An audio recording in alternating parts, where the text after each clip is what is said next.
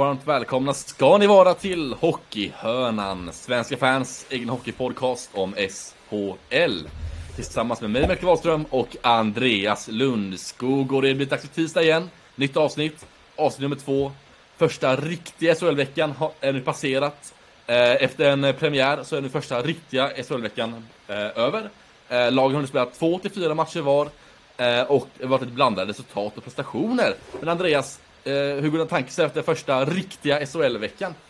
Nej, men det är ju helt underbart att vi verkligen är på gång på allvar. Att man nu kan börja se lite mer tendenser. Vi är ju väldigt tidigt in på säsongen och vi kanske ska vänta till 10-15 omgångar innan vi drar de riktiga slutsatserna. Men det finns ju fler ämnen att ta upp. Det finns fler infallsvinklar att dra. Man kan dra, börja dra nyanser i lagens eh, spel. Sen har jag varit lite nere på, i Sydeuropa den här veckan på en eh, kryssning mellan Italien och Spanien och ja, men lite olika destinationer. Så jag har själv inte haft kanske riktigt helt fokus på eh, samtliga matcher. Man har gjort så gott man kunnat och, eh, och eh, det känns helt underbart att vi tar ytterligare ett steg den här veckan. Ja, verkligen. Jag håller helt med. Det är nu man börjar se lite hur lagen presterar lite mer och hur spelarna acklimatiserar sig in i SHL. Men även lite hur för det börjar ändå spelet sätta sig lite hos lagen, de börjar spela ut lite mer nu och man börjar se liksom hur deras taktik fungerar lite och hur de har spelat helt enkelt. Eh, och eh, ja, det kommer komma på, det kommer komma på nu med matcher. Eh, tisdag, torsdag, eh, lördag. Eh, och nu börjar rikt, den här riktiga hettan börjar alldeles strax komma in i SHL kan man verkligen känna. Eh, men jag tänker att vi börjar direkt. Eh, I Västerbotten eh, och i Skellefteå AIK då som har två vinster, en förlust denna veckan. Eh, man mötte då Linköping i tisdags, där man slaktade Linköping totalt, Andreas. Har du några kommentarer kring den matchen? Eh, 6-2-vinsten borta mot Linköping. Nej, jag såg den här eh, vad heter det, på, ett, på en restaurang i, i Rom under den kvällen och såg lite till, till och från ska jag säga. Men alltså, vad, vad gör Linköping? Alltså det, det, det är kanske den absolut sämsta hemmapremiären jag har sett av ett lag på flera år. Alltså. Eh, det var en bedrövlig insats utav Linköping i försvaret samtidigt som Skellefteå var ju syleffektiva eh, och eh, ja, men, briljerar. Alltså, Jonathan Pudas visar ju vilken otrolig klass han har. Och, nej, det var inget snack i den här matchen. Alltså, eh, Skellefteå var, var både 3, 4, 5 nummer för, för stora i, i det här mötet. Eh, så att de trummar på verkligen. Ja, verkligen. Linköping var alldeles för små i den här matchen. Det var lite som att se ett juniorlag mötte ett A-lag den här matchen känns som. Eh, men jag tycker ändå att eh, Skellefteå var väldigt bra den matchen, det ska man inte ta ifrån dem. Linköping var eh, lite för dåliga, eh, mycket, väldigt för dåliga helt enkelt. Eh, väldigt dåligt försvarsspel från Linköping, helt enkelt. Men Skellefteå gjorde ändå bra, kom in med mycket fart i zon. Eh, skapade längre anfall och verkligen tryckte ner Linköping gång på gång på gång, tycker jag, i den matchen. Som nämner Jonathan Pudas med ett mål. Jonathan Jonsson stekhet den matchen mm. med två gjorda mål bland annat och eh, veteranen Joakim Lindström även en av målskyttarna också. Eh, en väldigt bra match Skellefteå och en väldigt dålig match av Linköping helt enkelt. Är Jonathan Jonsson den mest underskattade spelaren i hela ligan? Ja, ja, det tycker jag verkligen. Jag tycker Jonathan Jonsson och Gustav Backström eh, i Örebro då, är de två av ligans i särklass mest underskattade spelare, helt enkelt mm. tycker jag. Så jag håller helt med dig där faktiskt på den fronten. Eh, men veckan gick vidare och på torsdag mötte Skellefteå Leksand bortaplan. Två raka bortamatcher för Skellefteå. Eh, ett Leksand, en väldig match som var väldigt målsnål. Det var två bra målvakter. Mantas Armalis med en drömdebut för Leksand i den matchen. Höll nollan och allt. Det kommer vi in, kom in på lite senare. Eh, men Skellefteå har sagt noll mål bortaplan. Och Linus Söderström fick göra SHL-debut för Skellefteå i den matchen. Hans insats var väldigt bra om du frågar mig. Väldigt stabil i kassen och han släpper in ett mål i matchen, vilket är väldigt bra för att vara en hockeymatch. Och det mål släpper in, det var av Carter Camper i Leksand som kom i en kontring och sköt ett riktigt bra skott via Skellefteå-backens klubba och rakt upp i krysset. Så en riktig rackarökare som ja, Niklas Holmgren hade sagt. det var faktiskt riktigt fin. Välplacerat avslut. Ja, lite tur med Skellefteå-klubban här, men otagbart för Söderström i kassen, helt klart. Absolut. Men Söderström, en bra injektion där redan i debuten för Skellefteå tycker jag. Eh, men sen, och sen eh, på lördagen då, då tog man eh, packet och åkte hem till Västerbotten för att match mot Ängelholmsgänget Rögle då, i Skellefteå Kraft Arena. Och Jota Pudas, hans vecka bara fortsatte. Han var, fortsatte trumma på eh, i match efter match efter match och i den här matchen gjorde han två gjorda mål, bland annat. Eh, och Joakim Lindström även med ett mål denna matchen också. Men vad tycker du om Rögle-matchen där? Eh, om du såg den matchen? Ja, jag har bara sett, sett, lite delar också även om den. Men, men alltså, eh, det, det, är ju, det är ju ett Skellefteå som verkligen visar den enorma klass man har. Och jag tycker jag är imponerad av hur Robert Olsson får, får ihop det här innan från start. Jag tycker man såg att det, det fanns bra dimensioner redan i fjol. I år känns det som att man har tagit ytterligare ett steg. Nu har det bara gått ja, men ett antal få matcher här nu. Så det är väldigt, väldigt svårt att utläsa. Men jag tycker ändå att det är ett lag som på något sätt hittar vägar att vinna, hittar bra spel och alltså man har sådana klasslirare så att eh, det känns som ett lag som tar steg för steg och eh, det känns som att man har verkligen varit påställda här redan under, eh, från start. Jag tycker Skellefteå är kanske den, det laget också som har spelat kanske bäst hockey av samtliga lag hittills eh, av säsongen. Ja men exakt, Skellefteå har väldigt offensiv inriktad hockey. Eh, vi snackar om att spelare som måste kliva fram eh, kollar, kollar på Skellefteås backsida så är den ganska tunn eh, och ganska ospetsig på födan. Men två backar, två unga eh, förmågor där på backsidan. I Elias Holmsson eh, och Måns Forsfjäll har gjort det väldigt bra den här veckan tycker jag. Verkligen klivit fram och tagit en större roll och gjort det på väldigt, väldigt fint sätt. Skellefteå ja. är lite behov av detta, att man måste, de är lite yngre backar som har truppen nu med Salmonsson, med Olsson, med Forsfjäll. De måste ta verkligen kliv det här året så att Skellefteås backsida ska hålla på en hög nivå. Man har ju klassback som Arvid Lundberg och Jonathan Pudas. Eh, Oskar Nilsson är väldigt bra back också och Petter Granberg är en rutinerad back. Men utöver det har man väldigt unga, unga backar som måste helt enkelt ta kliv och utvecklas. Vilket de också har gjort än så länge tycker jag. Eh, Måns Forsfjäll tycker jag har varit riktigt, riktigt bra den här veckan. En väldigt stabil back. Eh, och eh, Elias Samuelsson, ja men han är lång men ändå riktigt bra teknik och skicklighet. Lite lik Victor Hedman i sin spelstil. Inte lika bra men han är riktigt bra ändå tycker jag på SHL-nivå, Elias Samuelsson. Ja, Fors, Forsfjäll har ju jag sett ganska mycket faktiskt nu under de senaste åren jag tycker att jag har alltid Alltid när man ser honom så tycker jag att det finns en edge, det finns en potential där och kan han växa in ännu mer i SHL-kostymen det här året så tror jag att han kan få stora kliv liksom. Jag, jag tycker att det, det, och det är ju det här Skellefteå är så bra på, att forma egna talanger och få upp dem, slussa upp dem i A-laget. Alltså där är de ju alltså, totalt bäst i, i Sverige att, att liksom ändå kunna klara av en form av generationsväxling när man tappar spelare. Att ta dem från det egna ledet och acklimatisera dem till SHL. Alltså där är Skellefteå... Ja, det är svårt att slå dem på fingrarna där. Ja, verkligen. Skellefteå är riktigt bra på det. Eh, sådär då, det var Skellefteå. Visst några tveksamheter kring Skellefteås eh, spelsätt? Tycker du det har varit några brister eller hur ser du lite på deras spel? Inte hittills vad jag, vad jag kan uh, utläsa liksom direkt liksom. Jag, jag, vet inte hur har Per Lindholm sett ut? Jag har inte... Nej, jag tycker han har varit riktigt bra faktiskt. Han, är, han gör inte mycket mål eller poäng, men han gör ett riktigt bra jobb. Alltså han är otroligt stark från, kassen, eh, otroligt stark i sargerna bland annat tycker jag. Eh, han är riktigt bra, han hjälper sina lagkamrater och gör sina lagkamrater bättre. Exakt som Per Lindholm ska vara tycker jag att han är redan nu. Tycker du att det finns några andra frågetecken kring, kring laget då? Eh, det var ju backsidan som sagt innan där, att eh, man har en tunn backsida som sagt. Men jag tycker att Salomonsson har tagit stora kliv än så länge och man ska ju få in en till back, det är ju tanken. Eh, man får se lite hur det blir med Filip Roos där borta i Nordamerika, men det är verkligen där jag såg en liten brist innan. Men jag tycker ändå att man har väldigt offensiv hockey har man ju eh, Skellefteå, vilket gör att oftast blir defensiven ganska brist, eller blir ganska eh, ja, defensiv är väldigt eh, sårbar när man kör så offensiv hockey som Skellefteå gör. Man gör mycket mål framåt, man släpper också in en del mål bakåt tycker jag. Men där har man två stabila målvakter, tycker jag. Gustav Lindvall som har haft lite frågetecken kring sig, tycker jag. Lite frågetecken i premiären, frågetecken inledningsvis här, tycker jag att Gustav Lindvall, inte riktigt så bra som han brukar vara, tycker jag. Det har vi en litet frågetecken, tycker jag. Eh, kring Skellefteå än så länge. Men han kommer såklart bli väldigt bra sen, så det är inte så mycket att oroa för. Men det blir lite, lite, lite oroande då, så i början, att Gustav Lindvall mm. inte kommit in i det än så länge. Eh, det är verkligen det jag kan se. Mm. Ska vi rulla vidare med nästa lag här? Det tycker jag verkligen, och nästa lag är... Ja, Linköping, kanske det mest omtalade laget än så länge i SHL. Det är mycket, ja...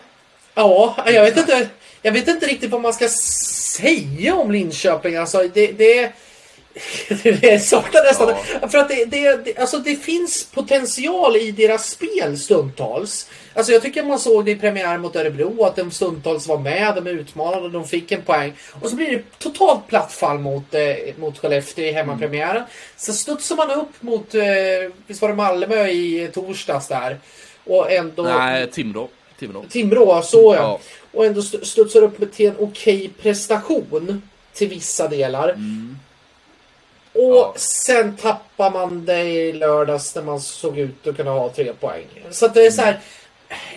Jag ser ingen riktig grundstabilitet i det här laget. Jag ser ingen Inga, alltså eh, Stefan Metö ser, ser jätteloj ut och ser inte ut att vara någon poängspelare. Vad heter finländaren de har tagit in? Exakt, ser inte heller ut att vara Nej. någon form av spetslirare. Alltså, det, det, är för trubbigt på forwardsidan. Nu får man i och för sig in Brook Little här om... Eh, på lördag. På lördag, ja. Exakt, mot, mot Rögle där. Eh, men det är klart att det kommer att vara uppstartsträcka för honom och eh, det är svårt att gå in direkt och leverera när man inte ens har en försäsong med laget i benen. Så att, eh, nej, det, det, jag vet inte vad man ska säga. Det, det var väl tur att de ändå fick, fick en seger här nu och fick någonting mm. positivt men det är mycket som inte fungerar.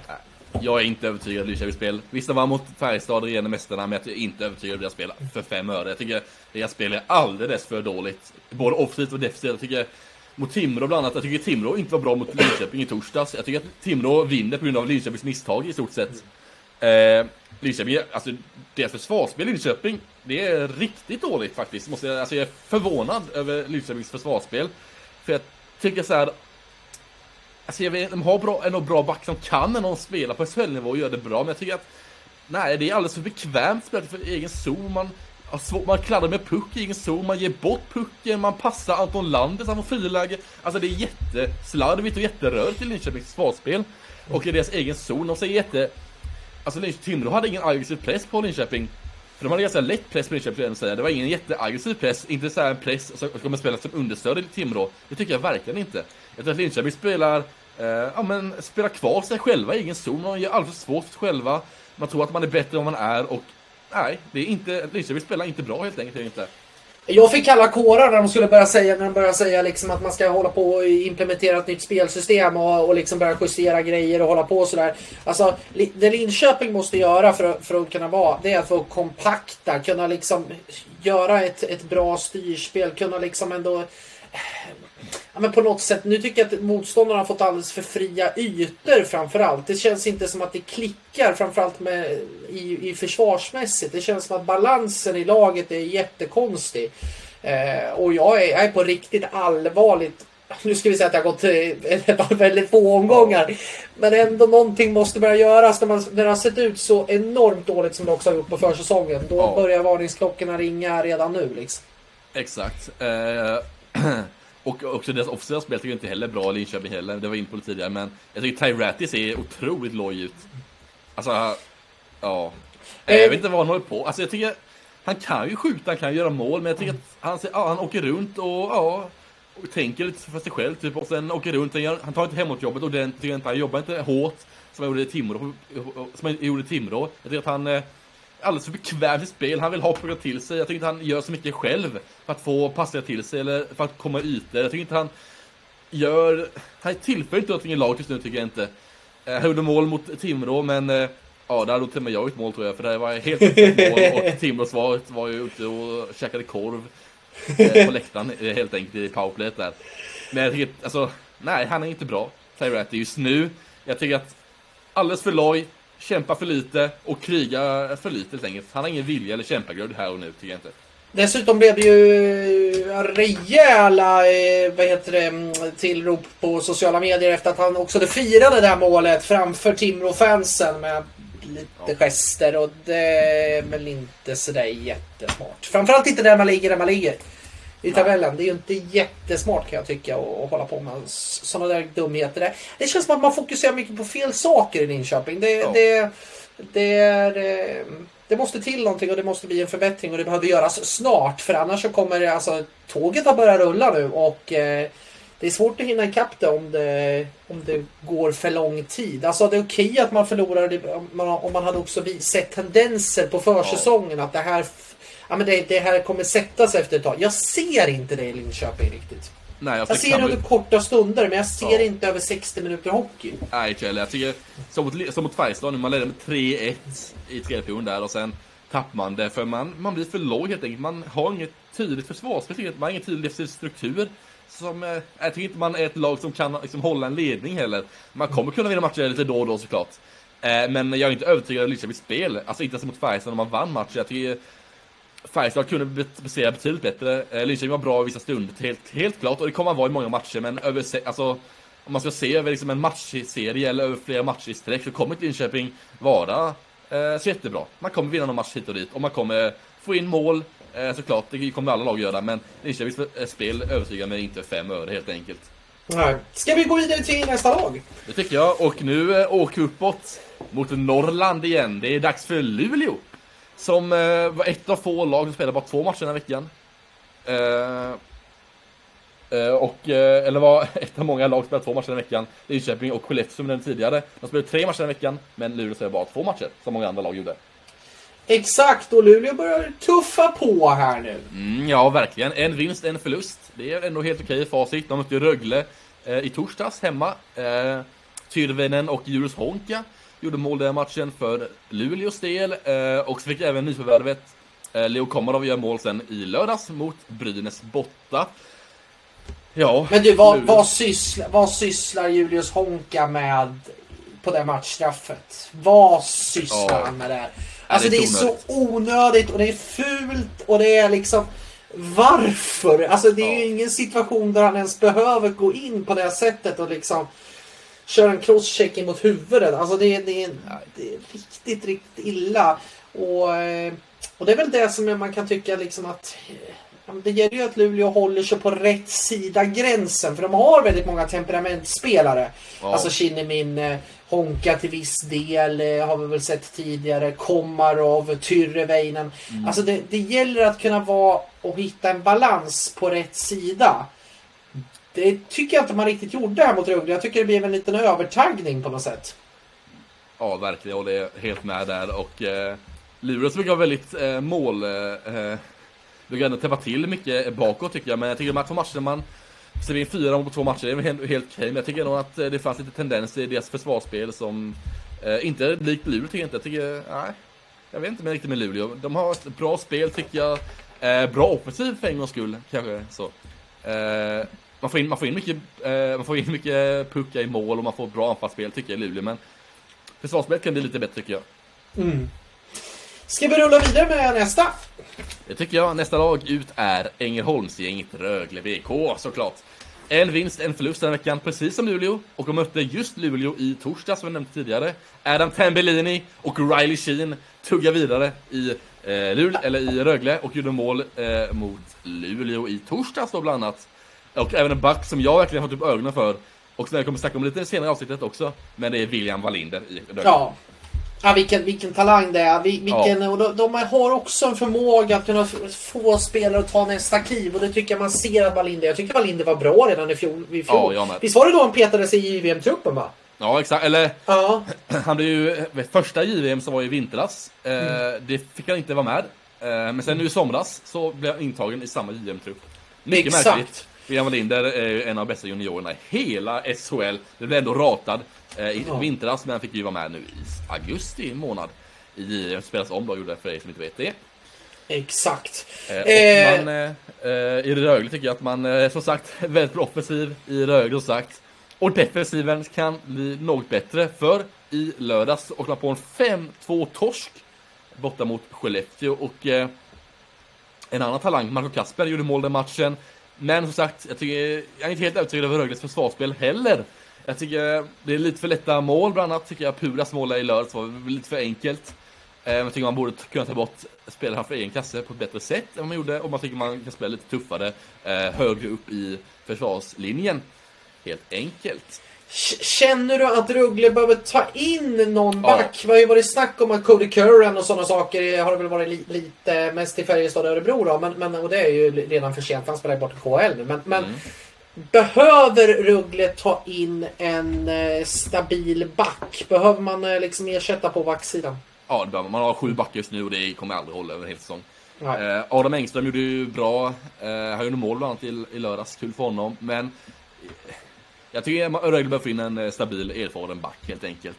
Ingen, alltså det behöver inte vara någon jättespetsig back inte, men det kan vara liksom en, en bra, stabil nordamerikan med några NHL-meriter, bra AHL-meriter, som ändå är defensiv och stabil. Det tycker jag Rögle skulle behöva i försvarsspelet.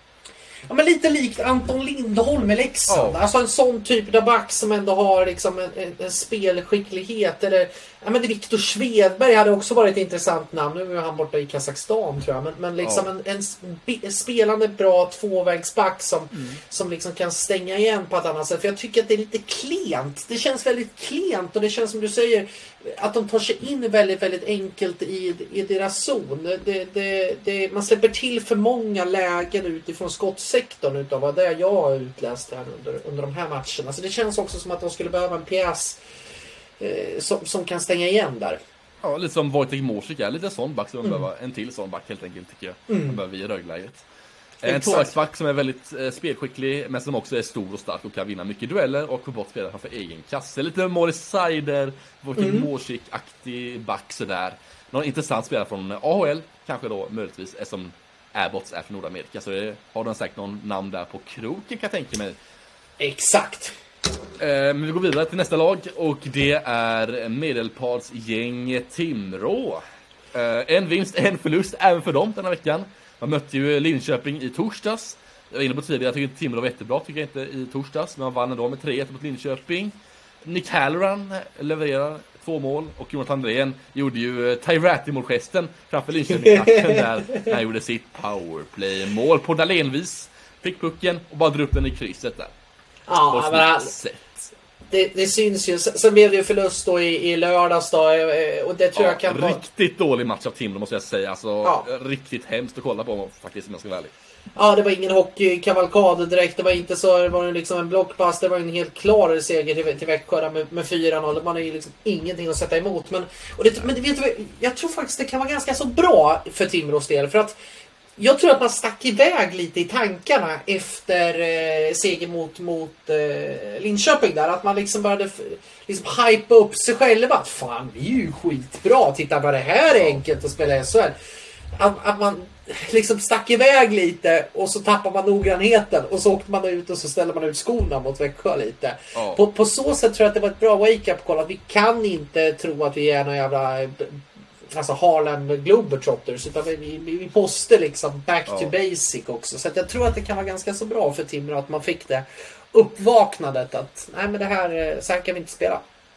Nej, exakt. Jag håller helt med där. Jag tycker Timrå har väldigt, alltså, de har väldigt bra powerplay av dem tycker jag. Det kommer vara ett av ligans bästa powerplay tror jag Timrå kommer ha. Eh, Topp 5 i ligan tror jag man kommer ha. Man har riktigt bra powerplay som sagt. Men!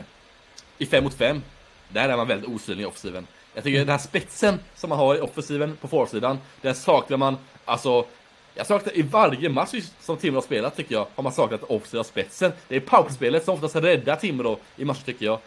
Jag tycker att alltså 5 mot 5 spelet, man har väldigt få skott på mål bland annat i matcherna. Eh, jag tycker att man har problem att komma samlade eh, i ingångarna, fast den får djupare anfall och längre anfall. Jag tycker men den här spetsen, Anton Lander, jag tycker de här inte sticker ut i 5 mot 5 spelet. Jonathan Dahlén bland annat. Jag tycker inte de levererar ordentligt i 5 mot 5. Jag tycker att de sticker ut i 5 mot 5 tycker jag. Det är i så fall eh, Sebastian Hartman, Nick Halloran, eh, lite sådana spelare tycker jag. Jag tycker inte att Anton Lander, Johan Dahlén och Emil Pettersson sticker ut i 5 mot 5 spelet just. Däremot i powerplay är de riktigt, riktigt bra. Men 5 mot 5 spelet måste man förbättra i Timrås offensiv. Nej, men jag håller helt med. Alltså, där, där måste de börja steppa upp lite. Att, att liksom ta ytterligare kliv och, och, och sådär. Liksom. Men ändå så känns det som att Timrå ändå har fått en hyfsad start på den här SHL. Mm. Ja, verkligen. eh, säsongen, det måste man ändå säga. Ja, det håller jag med om. Men eh, Jakob Johansson, eh, otroligt stabil även denna veckan. Eh, mot Växjö var lite, ett par lite ja, billiga insläppta mål. Men som sagt, Växjö hade tryckt i hela matchen. Så det är svårt att hålla ut som målvakt en hel match. Så det blir klart något tveksamt insläppt mål. Och det blev det mot Växjö tycker jag bland annat. Eh, det blev något mål där som lite eh, tveksamt. Eh, och jag tycker även Timråsvaret, som jag tycker ändå varit bra tycker jag Timråsvaret har varit eh, under, under matcherna som har börjat. Men mot Växjö var man inte bra alls i försvarsspelet. Alltså, Joakim Blitzfeldts eh, 200 mål där. Eh, det var ju passning från, alltså, eh, från egen, eh, alltså i sargen, i sin egna zon. Målvakten la man passning hela vägen upp till Joakim Blitzfeldt, alltså över hela isen. Och ingen Timrå-back var där. Det var en Timrå-back kvar och han hamnade bakom Blitzfeldt av någon konstig, outgrundlig anledning. Så försvarsspelet Timrå eh, tycker jag har blivit sämre och sämre faktiskt om jag ska vara ärlig, för varje match som har gått. Ja. Eh, så där måste man verkligen tänka över lite hur man ska agera där. Eh, ja, Noel Edfeldt fick även göra några minuter här mot Växjö. Ja, ska, jätte, ingen jättestor talang på förhand kanske, men han gjorde ändå helt okej tycker jag mot Växjö. Ja, det ska bli intressant att se vart Timrå tar vägen nu liksom. Det, det är också ett sånt här lag som är lite av ett vägskäl. Eller ska vi inte säga nu redan efter tre omgångar. men- Nej, men det är Men liksom, där man kan börja utläsa mer. Men jag tycker ändå att, jag tror, jag tror att man behöver hitta tillbaka till den här ödmjukheten som man hade mot, mot Frölunda. Där man visserligen tog en, tog en väldigt liksom en oväntad seger, inte, inte någon liksom välförtjänt kanske rent spelmässigt. Men sen, eh, sen, och sen mot Linköping mot ett väldigt, väldigt svagt Ja, Linköping. väldigt som säger att eh, det var två ganska så svaga lag där Timrå Mm. var lite, lite snäppet bättre och lyckades vinna den matchen. Så att, eh, det ska bli intressant att se vad Timrå tar, tar i vägen. Ja. Mm. Eh, och nu ska vi ta vägen till Dalarna och till Leksand. Eh. Leksand spelar bara en match den veckan, gjorde Leksand. Och det var en ganska tråkig match. 1-0 vinst hemma mot Skellefteå. Vi var inom tidigare att Carter Camper har kommit igång. Han gjorde Ah, mål jävlar. eh, mot Skellefteå där. i Eh, Leksands enda match den här veckan. Eh, men Skelle- ja, och man var väldigt täta bakåt. Mats Adamalis med en drömdebut för Leksand direkt. Eh, höll nollan och gjorde en riktigt bra match. Ja, och skönt för dem också att få igång eh, Carter Camper som har enormt hög kapacitet, det vet vi. Så att alltså det är jätteviktigt att få igång honom nu redan från start och liksom att han är ändå riktigt välplacerad. Även om det var lite turligt som sagt. Men, men eh, en skön, stabil, defensiv, ganska tråkig. Ja, Men ändå en stabil seger för Leksand och det är väl det här också att man kanske kommer kunna vinna på på att ha ett starkt målvaktsspel, att ha ett starkt försvarsspel och så kryddat där med lite offensiva spelare som verkligen kan göra det här extra och verkligen ta chanserna när de dyker upp. Så att det är, och det är, det är starkt ska vi säga också vinna mot Skellefteå av alla lag. Ja. Så att det är enormt bra seger faktiskt av Leksand som har gått kanske lite under radarn här under inledningen. Ja men verkligen. Nu är frågan vem som blir första mål till Leksand. Blir det Kashmir Kasksu eller blir det Mats Admalis? Kaskishu har ju haft ganska tveksam inledning får jag nog säga på den här säsongen. Men att Mats Admalis gör en drömdebut direkt här mot Skellefteå. Det ska bli intressant att se hur Björn Hellkvist och gänget där i Leksand formerar sin målvaktssida veckan som kommer här. Tycker Mm. jag. Ja men exakt, jag, jag, jag håller ju, jag tycker Armalis är, är riktigt, riktigt bra faktiskt. Jag tycker att han eh, har en, en kapacitet, också lite underskattad. Jag tycker han har också väldigt bra rutin, har varit med länge. Eh, Kaskisu tycker jag har, också som vi precis sa i, i förra avsnittet, alltså kan stå för på huvudet vissa matcher men också släppa in Hustlöv. Eh, och jag tror att det är bra att man, man kan välja därefter dagsform. Vem är den hetaste av de två? Och Just nu så tycker jag det är Armalis. Jag tycker man ska fortsätta med Armalis här kommande eh, matcherna här nu. Jag håller helt med på den frågan faktiskt. Och Leksand hade sagt på en match, det var bara det vi hade att snacka om när det gäller Leksand. Och nu går vi vidare till nästa match, eller nästa lag som är Färjestad. Och även de fick en vinst och en förlust denna veckan. Det var ganska genomgående eh, tema den veckan att lagen får en vinst och en förlust. Eh, men det kan lätt bli så när man spelar två matcher i veckan. Så att man, en match ger man allt, den andra matchen är man lite stukad. Men i alla fall. Eh, man mötte ju Växjö i torsdags på hemmaplan. Vann med 4-2 gjorde Färjestad. Där August Thornberg fick göra sitt första mål i SHL för Färjestad. Har har någonting att tillägga kring den matchen? Nej, alltså Färjestad tycker jag var riktigt, riktigt stabila och, och starka. Det var ju Jörgen Jönssons comeback i Karlstad Ja, också i, i uh, Växjöbåset. Det var lite speciellt säkert för honom. Eh, men jag tycker Färjestad visar tyngd. Jag tycker att Färjestad visar prov på, ty- på tyngd och att det finns eh, eh, spetskvalitet där. Sen tycker jag Växjö går bort sig lite i, försvarszonen. Och är slarviga i vissa liksom stunder. Men, men jag tycker att Färjestad utnyttjar det på ett bra sätt. Jag tycker det är väldigt tveksamt målspel eh, hos Växjö, tycker jag, där, i, i den matchen. Bland annat Emil Larmi eh, var inte något vidare, något vidare i den matchen, tycker jag inte. Nej, jag såg det på sociala medier också. Det var inga, inga riktigt, eh, inga, inga hyllningar till Nej. honom kan vi väl lugnt sagt säga. Det, det, det var inte riktigt. Sen i lördag så tycker jag faktiskt man gör en ganska så dålig insats. Man är inte Ja. påkopplade från start. Man börjar spela hockey när man ligger under. Det, det, det, det, det, det, det, det är inte alls bra. Jag tycker man går ner sig väldigt mycket i den matchen. Sen hittar man upp till, till en kvittering. Men det känns som att eh, slarvigt av, av, eh, av Färjestad faktiskt i en sån match. Ja, håller helt med. Det är Theodor Lennström som vänder matchen på egen hand kan man säga. Eller kvitterat mm. matchen där på egen hand och gör både 3-2 och kvittering 3-3 sen. Gör Theodor Lennström ganska mycket på egen hand skulle jag nog säga. Eh, otroligt bra i matchen av Theodor Lennström. En av få faktiskt som stack ut i den matchen mm. tycker jag. Eh, ah. Så Lennström bra match, Färjestad dålig match i lördags. Mm. Perfekt sammanfattat. Ja, men det var Färjestads vecka. Eh, och nu ska vi möta, eller ska vi gå vidare till Smålandsgänget som vi nyss pratade om då, Växjö Lakers. Även de, en vinst, en vinst, en förlust. Ja, eh, det är temat för den här veckan. Man mötte ju Färjestad som sagt, som jag var inne på lite tidigare i matchen. Att Emil Armi var inte något vidare, något vidare i matchen, tycker jag inte. Dålig målsinsats av Emil Armi i Växjö. Eh, och, eh, men som sagt, eh, i lördagens match så körde man ju över ett Timrå totalt. Eh, man hyllade ju Sam inför matchen, något vi kommer komma in på lite senare i detta avsnittet, men eh, det gav kanske lite extra energi till grabbarna i Växjö. Jag tänker mig att Sam Hallam var nu tillbaka i Vida Arena där i Småland och i Växjö. För den matchen tycker jag man kan ta, kan ta med sig att Hugo, Gustaf, Hugo Gustafsson i Växjö Lakers såg otroligt bra ut den matchen tycker jag. Otroligt skicklig och snabb och väldigt kreativ tycker jag att han ser ut. Eh, Gustafsson där i Växjö. Eh, och man var väldigt eh, bra powerplay måste jag säga. Eh, Joel Persson och Lukas Bengtsson i samma powerplay. Det är som en fuskkod. För Växjö har de två i samma powerplay kan man säga där. Otroligt bra. Lukas Bengtsson och Joel Persson. Varsitt mål också. Och eh, ja, Lukas Bengtssons skott kan man ju verkligen titta på en hel dag om man skulle vilja det. Otroligt fint skott har Ja, och sen vill jag hylla deras dansk, Joakim eh, ja. Blischfeldt, som jag tycker ser superintressant ut. Alltså, det är verkligen en spetslirare. Jag har sett honom tidigare lite i, i säsonger i Nordamerika och tyckt att jäklar, den där liraren ser riktigt bra ut. Och det gör han verkligen på SHL-nivå. Eh, och de, det vi också ska lyfta, det är, det är liksom, Växjö har ju bäst powerplay i ligan just nu. De ja. ligger på 44,44 procent. Eh, och det är ju det man vinner på. Sen måste jag också säga Lukas Bengtsson som är tillbaka. Vilken klassback det också är. Vi pratar kanske om att Linus Hultström inte har kommit tillbaka och visar framfötterna i Linköping. Här har du en spelare som gör skillnad direkt. Oh. Eh, jag tycker att han var riktigt bra den här matchen. Både mål och assist eh, i lördag. Så att, eh, det, det, känns som att Växjö studsar tillbaka efter en dålig insats i tisdags mot Färjestad. Eh, jag tycker att eh, det, ser, det är många som ser intressanta ut i Växjö. Framförallt offensivt. Målvaktssidan, även om Larme höll, höll nollan där i, ja, i lördags. det var inte så svårt. Nej, det var inte det. Nej. Det var, det alltså, var ju kontrollerat. matchen. Jag har inte exakt satt på skotten, men det var otroligt lite. Jag tror det var typ 10 skott på två perioder igen. Någonting sånt. Hade de 10-12 skott.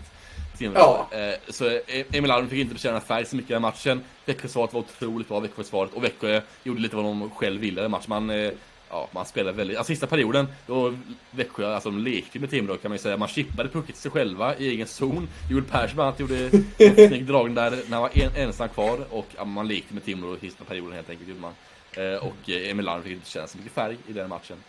Eh, och ja, Ja, det är väl den enda... Ja, det är väl inte det enda frågetecknet jag har kring, kring Växjös målisar. Det är väl det enda frågetecknet som jag har kring Växjö just nu. För att jag tycker att det är många bitar som faller på plats. Jag tycker backsidan ser jättebra ut. Jag tycker forwardsidan ser jättebra ut. Men det är den här målvaktssidan som jag tycker ser lite... Ja, vissa eh, trubbigheter. Och det ska bli intressant att se hur de eh, tar det vidare här nu. Det är väldigt svårt att utläsa efter så här få antal matcher. Men, men eh, jag tycker att det finns lite som måste förbättras i just de punkterna. Mm, exakt. Eh, vi snackade om förra veckan snackade om att eh, Växjös, Växjös forwardsida var lite trubbig. Och inte så och ganska ospetsig. Vad har du att säga om det denna veckan? Nu ja, jag får ta tillbaka det lite. För jag, jag, tycker inte, jag tycker inte att... Eh, ja, visst vi gjorde sex mål den här veckan, men jag, ja, jag tycker inte att vi behöver ta tillbaka så jättemycket för deras offensiv, alltså tänk deras försida. Den här veckan, Joel Persson gjorde mål, Lukas Bengtsson, två backar gjorde mål. Så gjorde Kjellman ett styrningsmål och Blichfeldt, riktigt fin spelare, gjorde ett mål där. Men jag tycker att ändå att det finns vissa frågetecken kring forwardsidan där i veckan tycker jag. Dan 16, eh, jag tycker att han, han, eh, ja, jag ska säga, han är snabb på rör tycker jag, men jag tycker inte hans skott är något vidare. Jag tycker att han kan ta många, att han kan bli bättre. Tycker jag, jag tycker inte han har visat sin kapacitet än så länge. Jalen Habgowax tycker jag ändå gör ett bra jobb i tredje kedja. Eh, kan som sagt förbättras och ta steg ytterligare i sin offensiv. Eh, jag tycker att de är snabba och bra, men jag tycker att de tillför så jättemycket när det gäller målproduktionen eller något sånt. Än så länge. Vad tycker du om Jaden Halbvax? Eller hur man ska, Ja, hur man ska, ja. hur man ska Eh. uttala. Ja, men det är svårt att uttala hans namn. Jag tycker att han är, han är snabb och bra.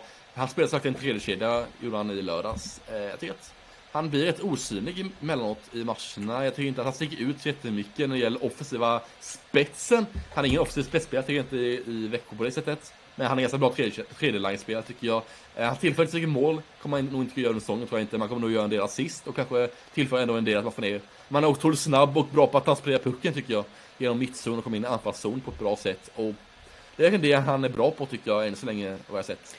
Eh, vi ska också säga att eh, Kalle Kossela är ju fortfarande borta med skada och eh, att Tobias Rieder också saknades till den här matchen i eh, lördags. Det är ju också två eh, spetsspelare som Växjö väntar på att få in där med lite skadeskavanker. Rieder vet jag inte hur. Det har väl inte kommunicerats någon status på honom. Jag tror att jag såg att det var okänd status och det brukar ju inte låta bra liksom. Det ska Nej, inte det vara händelser i förväg men eh, nej det det är en spelare också som de behöver. En väldigt, jag tycker, visade framfötterna redan i fjol. Så att, eh, nej, det ska bli intressant att se hur, hur Växjö tar sig an fortsättningen. Vilka, Exakt. vilka ska vi ta an fortsättningarna på nu? Ja men nu ska vi be oss till södra Småland, eller södra Sverige och till Skåne. Det är dags för Malmö Redhawks, laget som är mest utdömt på förhand. Tippas sist i tabellen av samtliga experter, vågar jag nästan säga. Ja, Eh, motorsågen har dragits fram och startat ja, upp. Ja, du, det kan man säga. Men, men, men, men. Även Malmö har en vinst och en förlust denna veckan. En förlängning, eller en eh, eh, förlust på straffar och en vinst efter förlängning.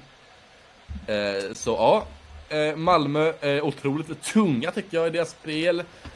Joakim Ryan tycker jag blir bättre och bättre varje match som går. Jag tycker han är riktigt bra mot Frölunda var han. Han även avgjorde matchen då i förlängning som jag nämnde tidigare. Eh, Emil Sylvegård eh, var riktigt bra i lördags också. Två gjorda mål där. Även om Frölundas inte var det bästa i den matchen tycker jag ändå att eh, Malmö stack ut där med Emil Sylvegård och Joakim Ryan där i offensiva spelet. Jag tycker att, eh, jag tänkte kolla på torsdagens match där mot HV71. Så var man rejält tillbakatryckta men man lyckades ändå eller så, så ledde matchen ganska stort gjorde man, men sen kom, Växjö till, eller så kom HV tillbaka i den matchen eh, och vände och vann efter straffar då. André Pettersson avgjorde den matchen. Jag tycker att Malmö, de är Mm. emellanåt väldigt bra. Emellanåt så tappar man ganska mycket tycker jag. Jag tycker att eh, det finns en del frågetecken kring Malmö tycker jag. Eh, han har haft backsidan där eh, fortfarande tycker jag att det finns en del frågetecken kring eh, Malmö. Och även offensiven tycker jag att den har varit bättre än så länge den säsongen än förra säsongen tycker jag. Eh, har kommit in i säsongen på ett annat sätt. Jag tycker även att Silvergård har kommit in på ett annat sätt. Eh, Silvergård säger även att eh, deras spel har blivit mycket tydligare den här, den här säsongen jämfört med förra säsongen. Och det kan hålla med dem till vissa delar, bland annat. Skulle också precis säga det, liksom, den här tydligheten tycker jag att finns på ett helt annat sätt än när Joakim Fagervall spelade i, eh, var tränare i fjol. Det känns också att man har, man känns mer samspelta från försäsongen. Det känns inte som att man är lika, vad ska man säga, ostrukturerade i sitt spel utan har någon form av röd tråd hur man vill hantera spelsituationer. Det tycker jag är en helt annan skillnad jämfört med i fjol. För då spretade det väldigt mycket och det fanns en del spelare som gjorde vissa grejer på egen hand. Nu känns det som att man som kollektiv ändå går in och gör en bra insats. Och jag tycker ändå att jag, jag är faktiskt positivt överraskad. Även om det finns Ja, mycket delar som måste bli bättre. Så jag trodde att det skulle se, skulle se ut som liksom hej kom och hjälp mig från vad jag hade sett. Både från försäsongen om man tittade på truppen i stort. Nu tycker jag att Malmö har hittat tillbaka lite till den här identiteten som är malmitisk. Att liksom jobba stenhårt, jobba för varandra, lösa det här kollektivt. Och det kan ju faktiskt bära långt. Det har vi sett på flera lag som inte har den största spelartruppen på namn och sånt. Men ändå har, har eh, kommit långt i sitt spel. Så jag är positivt överraskad av Malmö så här långt. Vad tycker du om en sån som Daniel Marmelin som har förstått eh, samtliga matcher för Malmö så länge? Eh, tycker han har presterat. Ja, men jag tycker han ser ganska bra ut jag, tycker, jag var lite överraskad faktiskt. De har väl Adam Werner där som var ändå är hem, hemkallad som det stora eh, nyförvärvet där på målvaktssidan. Men jag tycker Marmelin, jag tycker Marmelin som jag har sett tidigare under år också, det är, det är en målvakt med potential. Så jag tycker definitivt. Sen måste de ju fixa de här stolparna som finns i Malmö Arena. Alltså vad är det med den här? Alltså har de beställt hela jävla målet från Wish eller liksom? Ja, lite så. Och det är bara ett mål också. Det är bara ett mål som alltid. Exakt, alltså det är helt bedrövligt. Hur, Ja. Där måste någon vaktmästare ta och göra åt grejerna liksom. Men annars spelmässigt så är det faktiskt mycket som funkar i Malmö faktiskt. Det tycker jag också. Men det ska bli intressant att se också om de kan hålla i det här. Hur långt kommer det liksom... För just det här spelet när, det, när man inte har de här fixstjärnorna. När vi går in i det här lite mer tuffa, tunga november med ett intensivt matchschema. Man börjar komma in i serielunken. Då gäller det också att man har liksom spelare som är, att, att när man har en dålig dag ändå kan vinna matcher till sitt lag. Det ska bli intressant att se hur Malmö tacklar den situationen som kanske inte har de spelarna på förhand på liksom om man tittar på spelartruppen i sig. Ja exakt, Kommer det är lite fortsätta- varit, eh, Ja exakt, det är det som har varit lite identiteten för Malmö. Att man har börjat säsongen bra, eh, men sen har man hela tiden blivit sämre och sämre efter säsongens gång och avslutat väldigt dåligt. Så vi ser hur det blir för Malmö om man håller i det här eh, tempot, håller i det här kvaliteten även under kommande veckor. Exakt. Yes, och eh, nu ska vi tillbaka till Småland och till HV71.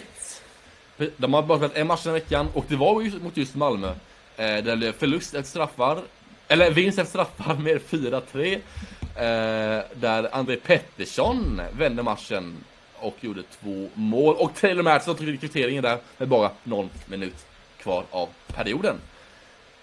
Ja, vad tycker du om HV71s vecka? Eller match, som vi skulle sagt. Starkt att, att liksom eh, Malmö har 3-1 liksom en bit in i tredje perioden och sådär. Men HV liksom jobbar ju hårt och tar sig in i matchen. Och jag tycker André Petersson också är, alltså det, det är en klasspelare. Jag tycker man ser det. Jag tycker han har visat det redan från start här nu att, att eh, ja, men han är den klassspelaren han är, han är värvad att vara. Eh, så att jag, jag tycker att det här var verkligen en, en stark seger utav eh, HV71. Eh, att dra det längsta strået. Även om eh, Malmö faktiskt vinner skottstatistiken med 36-28. Eh, det tycker man ser ganska så. Vi ska också säga att eh, Måns Lindbäck gjorde sitt första mål för Ja. säsongen i boxplay också. Kalmarsonen. Exakt!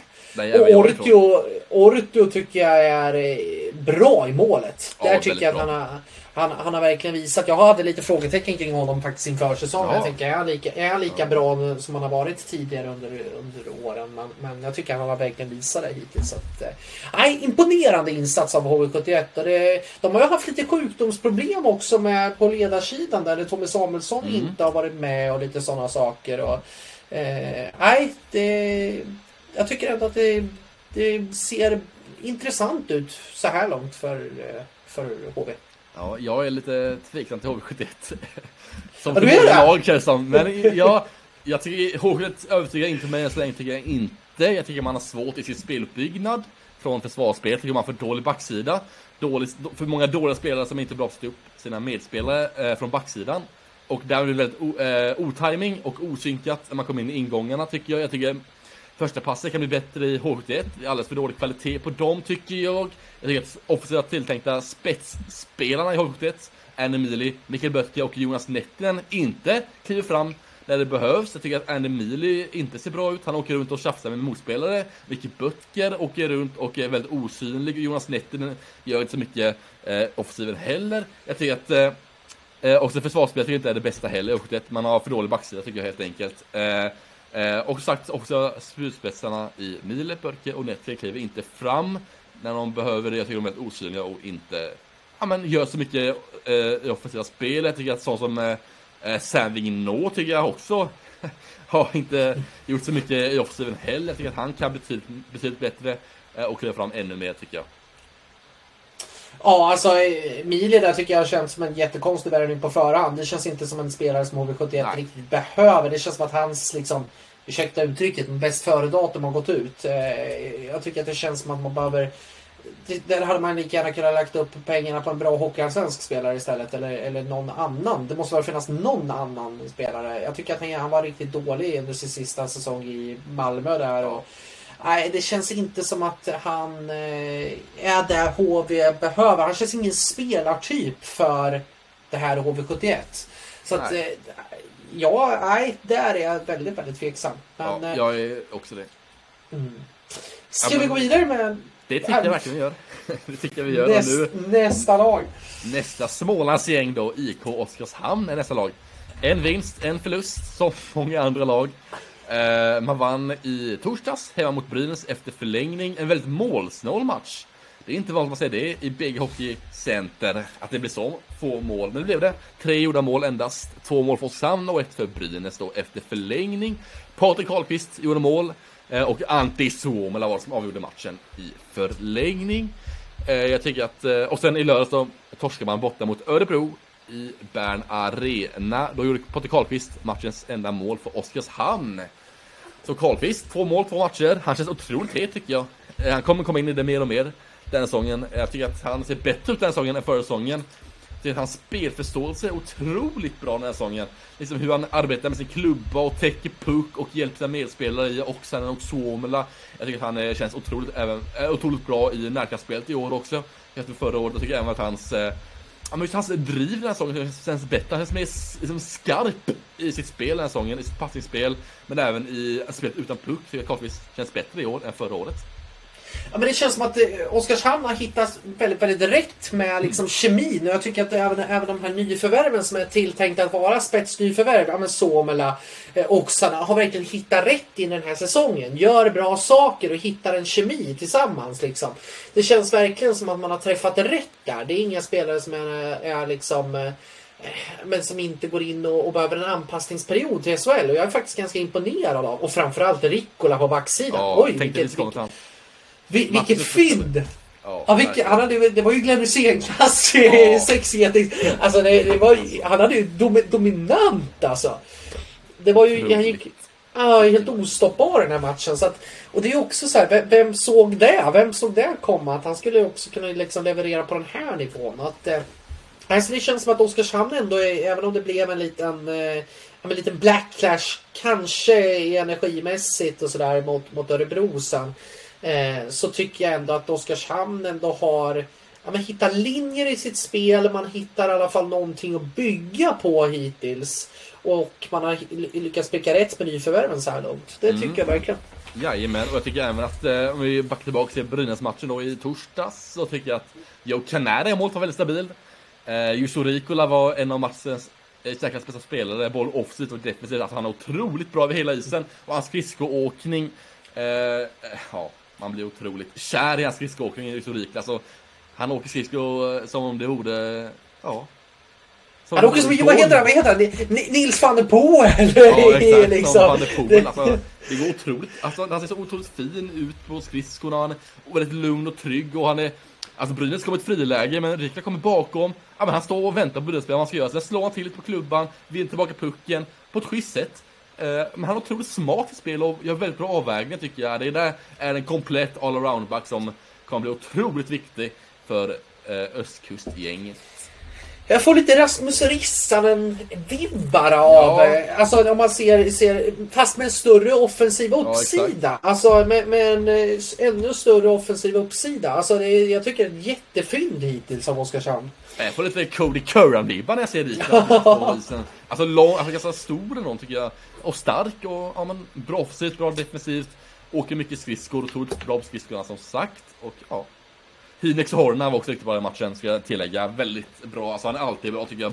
Har allt defensivt. Han gör otroligt viktigt jobb där defensivt och vinner mycket närkamper. Och vinner tillbaka pucken i viktiga lägen. Han är otroligt bra, Hinex Horna. Han kanske inte alltid... Viktigt att få igång honom också. Ja exakt, han kanske inte alltid är den som gör, eh, eller får de mest stora rubrikerna tycker jag inte. Men jag tycker att han eh, är väldigt bra nästan i varje match. jag säga. Han gör alltid ett bra jobb tycker jag och alltid spelare man kan lita på. Så det känns också otroligt bra. Och nu får man tillbaka Blaine Byron sista på torsdag hemma mot Frölunda också. Ja, det är ju ett också ett förstärkning. Om man, om man tittar sen på lördagsmatchen så tycker jag kanske att Oskarshamn... Ja, men det blev kanske lite energiläckage. Det kanske Ja. blev li, lite... Alltså nå- någon gång kommer också ett... ett Alltså som ett, ett backlash, och det gör det för alla lag. Det kommer det göra under den här eh, liksom, säsongen. Att man riktigt, inte riktigt orkade, tycker jag, i, i den matchen. Där Örebro var numret större. Ja, Oskarshamn har haft stora, stora problem i Bern Arena att vinna. Man har aldrig vunnit i Bern Arena på SHL-nivå mot Örebro. Eh, och eh, Örebro är lite mardrömsmotståndare för Oskars, Oskarshamn. Eh, och det, ja, man hade inte sett stora förväntningar hade man inte på att Oskarshamn skulle vinna den här matchen med tanke på att Örebro är Örebro och det är i Bern Arena, en arena Oskarshamn inte kan spela tidigare. De måste, de måste kalla in Ghostbusters. Ja, de måste ringa in dem till nästa Exakt. match tror jag. Exakt. I Bern Arena. Ja. Vi, ska- vi ska gå vidare med nästa, eller nästa lag här då. Mm, exakt, och då är det dags för Brynäs eh, som åkt på två förluster den här veckan. Ja.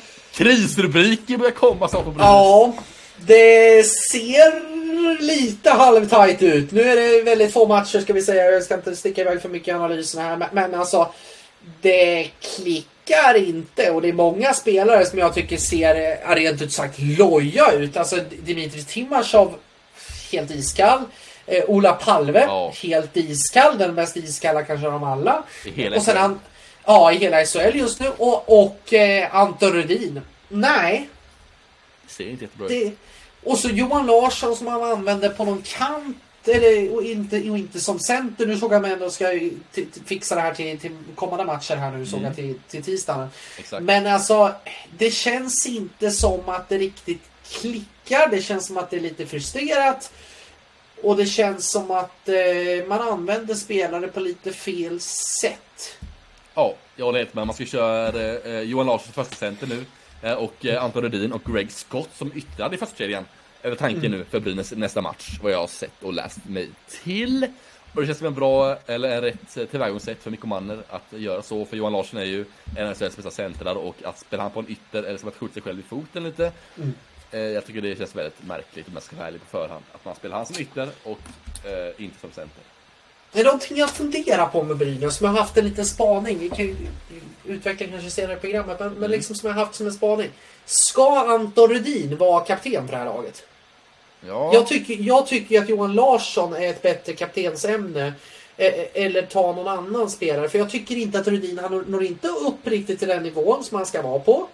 Jag tycker inte att han har den karaktären. Nu ska jag inte såga Anton Rudin för mycket och gå fram på de motorsågar nu. Men jag tycker inte att han är den spelaren som man tycker är ett karaktärs... Eller är en, en kaptensämbete på det hållet som riktigt krävs för, för att få igång det här laget. Jag tycker att det behövs en större tyngre röst som går in och markerar när, när det inte ser riktigt bra ut. Ja, exakt. Jag tycker att eh, Hannes Björn har fått väldigt mycket lovord på förhand. Tycker jag. Väldigt mycket lovord inledningsvis. I SHL tycker jag, men jag förstår inte riktigt eh, var de kommer ifrån. För jag tycker att Hannes Björn, eh, jag tycker inte att han stiger ut på något sätt. Han är ju bra spelare, stark spelare, bra tekare eh, på förhand så, men jag tycker inte han levererar så mycket offensiva spelet. Jag tycker inte han tillför så mycket när det gäller poängproduktionen och tillför så mycket det offensiva spelet. tycker jag inte att Hannes Björnen gör. Jag tycker han åker runt lite och tänker för sig själv lite där. Eh, ja, som jag nämnde tidigare, Timashov och Palve, otroligt iskalla också. Eh, Så jag är lite frågan till vem som ska göra målen i Örebro. Det, kan, jag- det är en fråga jag haft länge och en fråga, och en fråga som han fortfarande har. Kollar på målskyttarna den här veckan, så gjorde man tre mål den här veckan under Brynäs. Eh, Scott gjorde mål mot Oskarshamn i, i torsdags. Så gjorde Oskar Bridgesson och Simon Bertilsson mål i lördags. Det är inte de här tydliga målskyttarna som kliver fram för Brynäs och jag är lite orolig för att man inte har en sån målskytt. Men men man är som sagt på jakt efter en ny forward, så vi kommer komma tillbaka till senare i detta avsnitt. Ja, det, det måste och vi ska snacka om det senare men alltså någonting, man behöver göra någonting nu alltså Ja. för även, även om det är, jag tycker att det ser alarmerande ut hur, hur, hur svaga man är i offensiven faktiskt. ja. Det ser Eh, inte bra. Exakt. Och Anders Lindbäck var sjuk, eh, ska också nämna den här veckan. Och Venny Veveleinen stod båda matcherna. Och Veveleinen var otroligt bra mot Sand. Alltså en av matcherna jag spelade tillsammans med Rikola och Mm. I den matchen. Alltså otroligt bra Veveleinen. Gjorde otroligt många viktiga räddningar och eh, räddade Brynäs kvar i den matchen. I Mm. långa stunder. David Klinicka fortsätter på den inslagna vägen och du vet hur mycket jag gillar han. Exakt. Och han eh, gör fortfarande riktigt bra grejer där ute på isen. Ja, ska vi ta nästa lag? Vi rullar vidare va? Jajamän, det tycker jag. Och nästa lag är ingen mindre än Frölunda. Ja, vi har bara två lag kvar nu va? Örebro och Frölunda tror jag. Jajamän, och Mm. Frölunda. Ja, vad fick de för något? Jo, en vinst och en förlust denna veckan. Som många andra. Temat! Tänk om det hade varit två segrar för något lag. Då hade de stuckit iväg i tabellpositionen. Jajamän. Eh, Man fick ju fyra poäng denna veckan, Frölunda. Eh, Mm. 4-2 vinst mot Örebro i torsdags. Mm. Där Max Friberg stack ut i den matchen tycker jag. Två gjorda mål. Eh, väldigt bra den matchen av Max Friberg. Eh, men Frölunda har fått mycket kritik, tycker jag, denna veckan. För deras offensiva spelare. Jag tror att Sanne Lindström som och sågade Anthony Greco i, Exakt!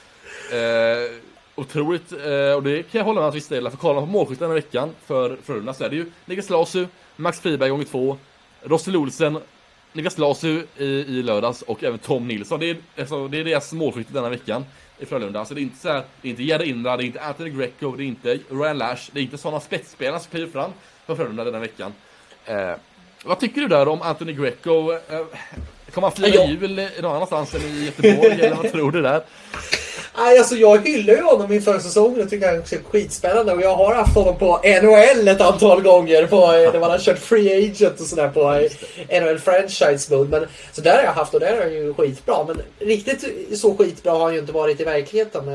Eh, och, och jag tycker att han åker runt och fibblar för mycket. Jag tycker att han, mm. han det ser ut som att han tänker och har inte riktigt den här inte det här som behöver sitta i ryggmärgen med timing och sådana saker. Alltså, eh, han står felplacerat och kan inte servera sådana som Ryan Lash. Jag tror jag också är ganska frustrerad för Ryan Lash. Ja, verkligen. Eh, det, det, känns inte som att han...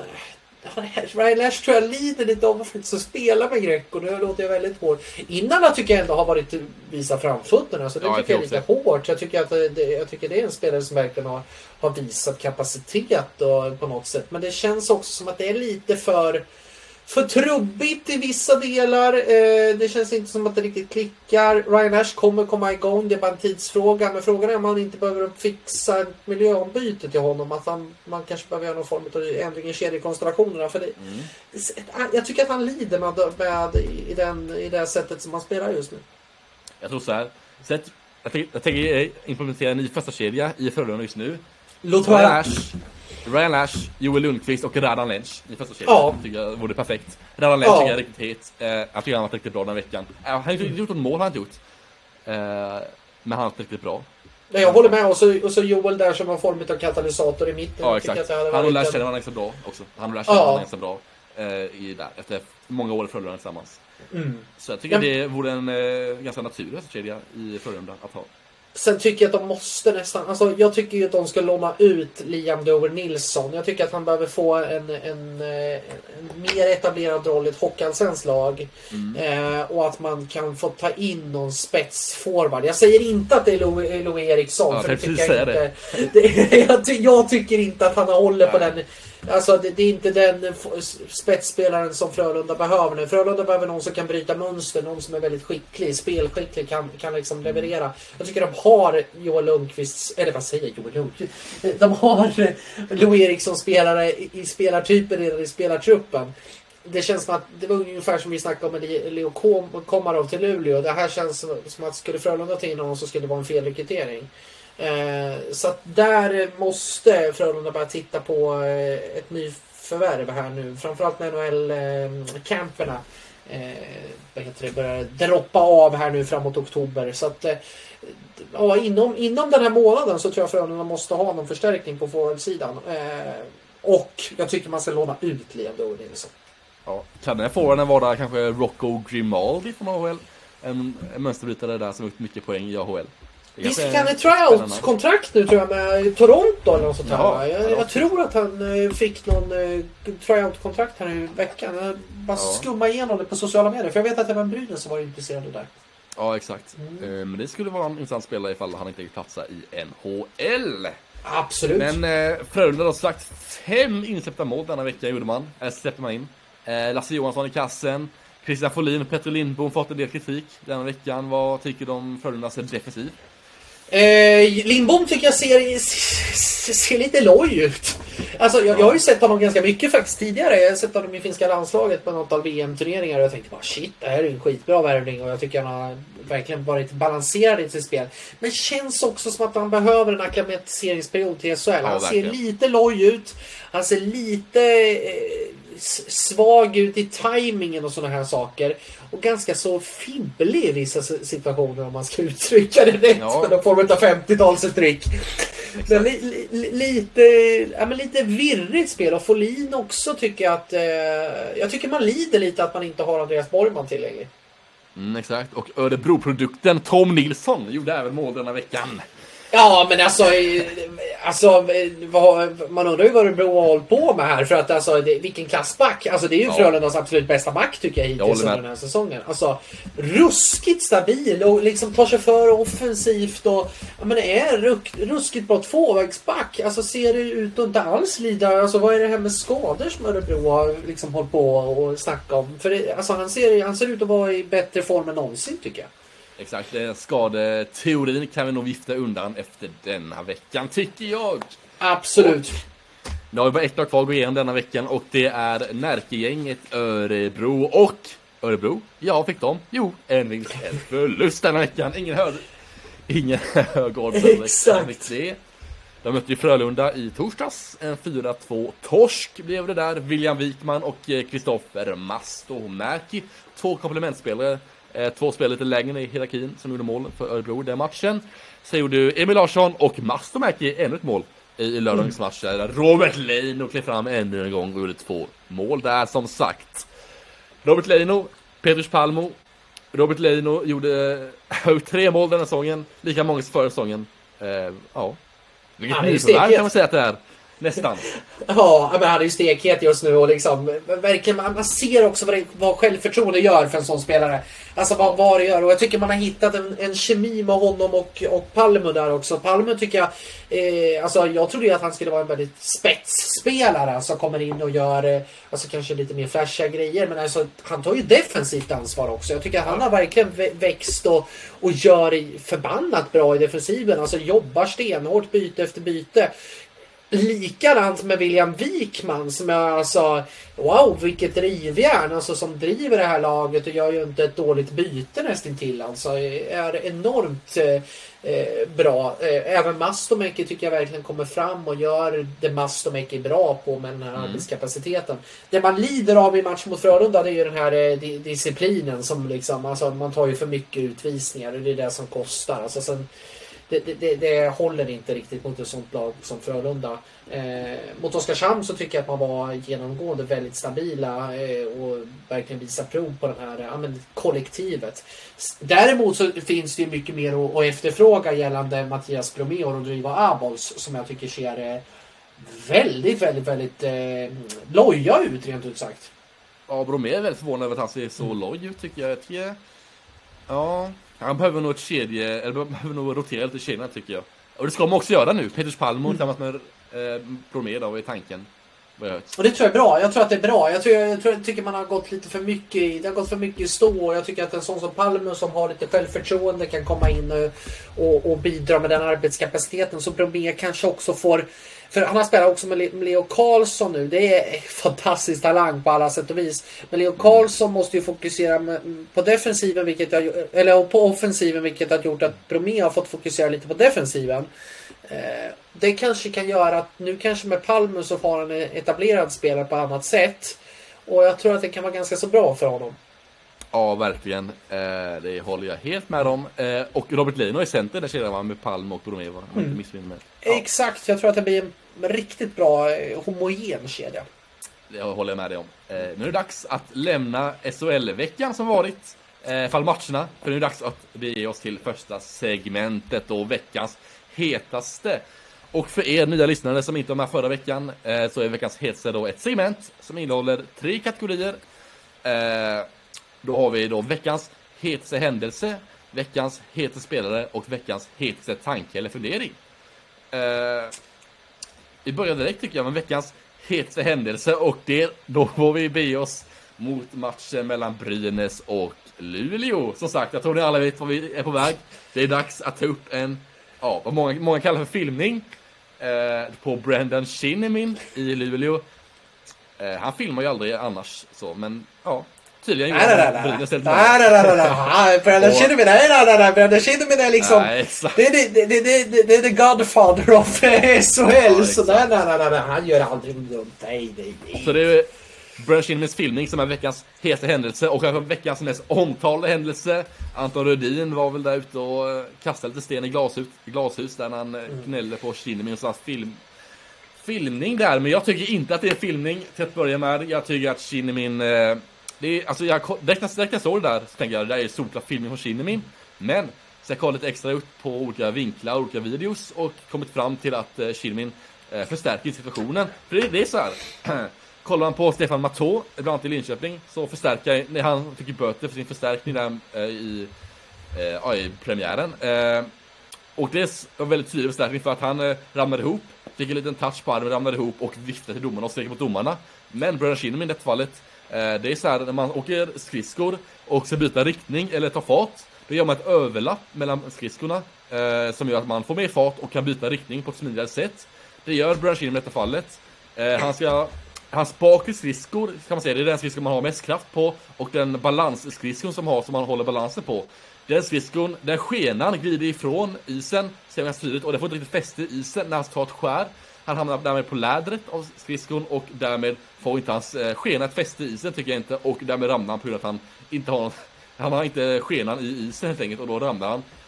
Efter några skär, efter att han har slagit mot benen, han ramlar, men men han förstärker inte för att han gnäller inte, han viftar inte med armarna och han stryker inte Bromma utan han direkt så ställer han sig upp direkt gör han och kämpar mm. på pucken igen. Och det tycker jag är bra av Kinnamin och därför tycker inte att det är någon filmning heller för han skriker inte på domarna och han förstärker inte att han vill ha utvisning utan det är domarna som på eget bevåg tar en utvisning på Anton Rödin. Mm. Nej men jag håller med dig fullkomligt. Alltså, eh, jag, jag blir... Eh, alltså, jag håller med dig fullkomligt. Jag har också sett, jag, jag tyckte vid första anblick så såg det ut som att det var en liksom, förstärkning. Men när man tittade bild för bild och verkligen zoomar in så ser man att det, det är faktiskt ingen, ingen filmning. Eh, liksom. Och jag, jag, kan tycka att hade, hade det här varit en annan spelare, alltså säg mm. att det hade varit en... Men du kan ta vilken spelare annan som helst egentligen. Så tror jag inte att vi hade fokuserat lika mycket på just situationen heller. Sen är det ju fel utav domarna. Men vi ska komma ihåg att domarna är människor precis som alla. Vi sitter med liksom bildsekvenser. Alltså vi kan titta bildruta för bildruta.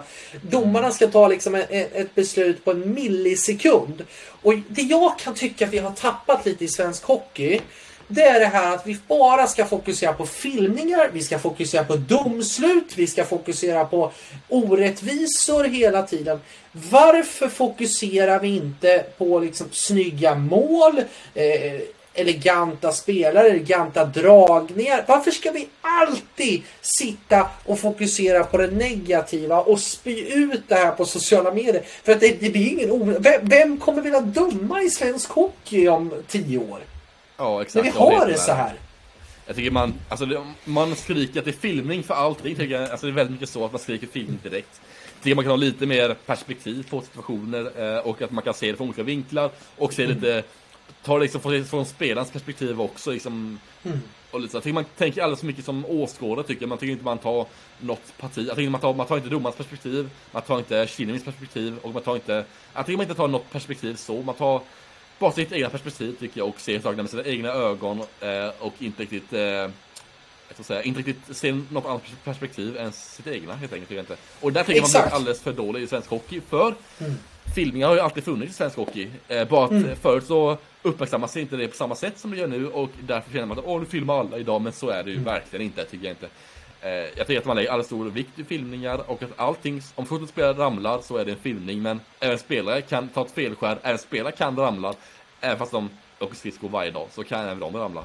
Ja, vi är ute på en, alltså, det är en hal is som den här sporten spelas på. Alltså, testa er själva så ska ni se hur enkelt det är att liksom dundra in med fart och kampmoment och allting sånt. Alltså, vi måste kunna bli bättre och schysstare mot domarna. Alltså, vi kan inte ha en sån här eh, liksom, kultur där vi hela tiden ska blamea så fort det blir fel. Alltså, domarna kan också ha en dålig dag, hur, hur dåliga dagar än spelarna ha, kan ha också. Liksom. Så att vi måste på något sätt kunna hitta en bättre balans. Och vi kan inte alltid klaga på, alltså utan dem så blir det ingen match. Det är klart man ska hålla en hög kvalitet. Men tittar vi internationellt så håller svenska domare hög klass. Alltså, ja, väldigt hög klass. Just det här fallet blir, blir det lite fel och, och det blir lite knas, men, men det är en sån, det är sån som ska ta en millisekund och vi kan inte sitta här och, och liksom som folk många folk gör på sociala medier idag. Jag, jag tycker det blir en o, ohälsosam kultur. Det håller helt med om faktiskt. Och mm. veckans hetaste händelse var alltså Brandon Shinemins ja, filmning eller ja, vad många säger då. Vi tycker inte att det är filmning helt enkelt. Eh, men ett många svar nu. Filmning då. Eh, nu lämnar vi veckans hetaste händelse och går vidare till nästa eh, kategori. vilket är veckans heta spelare och ja, det finns ju bara en att välja den veckan tycker jag. Och det är Skellefteåbacken, Jonathan Pudas, Ja. 6 poäng på... Vi, vi kör väl en liten, vi, vi kör väl en liten, jag ska se om vi har någon sån. Ja, han får en, han får en, han får en sån där tycker jag idag. För han är, nej jäklar vad bra han är. Alltså, är han, är för, han, är, han är ju för bra för SHL om vi ska vara ärliga. Ja, det är han. Alltså, i- 190 000 i månaden, fatt, alltså, jag kan fortfarande, fortfarande fatta att han tjänar så lite. ja, det är otroligt alltså. 190 000, det är liksom, det är det Filip Holm tjänar i minuten tänkte jag säga, men Ja, du. det, det, det är nästan men- halva Filip Holms lön. Filip Pudas, jag tycker det är lite. Men Tyratti, han har ju mer än Bill Gates i Linköping. Ja, ja, ja. ja, ja. Nej, men- Nej, men alltså det är, det är ju, alltså vilken spelare. Alltså, jag Han är löjligt till- bra. Men jag sitter och stundtals och dreglar när jag sitter och kollar på hans aktion. Alltså, man är bara så här, alltså vilken kapacitet håller karln? Alltså det är helt otroligt hur han, hur han spelar liksom. Ja, han är bra på allt. Alltså bra på uppspelsfasen. Otroligt viktig uppspelsfas för Skellefteå. Alltså hela tiden bra passningar, bra kvalitet, bra tempo. Alltså, han styr tempot i powerplay på ett riktigt bra sätt. Alltså han gör poäng, han gör mål, han är överallt. Han gör tacklingar. Han är överallt, han gör allt möjligt som man kan önska av en back på SHL-nivå tycker jag. Alltså han är ja, NHL-klass på den killen tycker jag, här och nu. Men har Mats Wennerholm jinxat det här nu? Han säger att han ska slå det här poängrekordet för Ja. nu.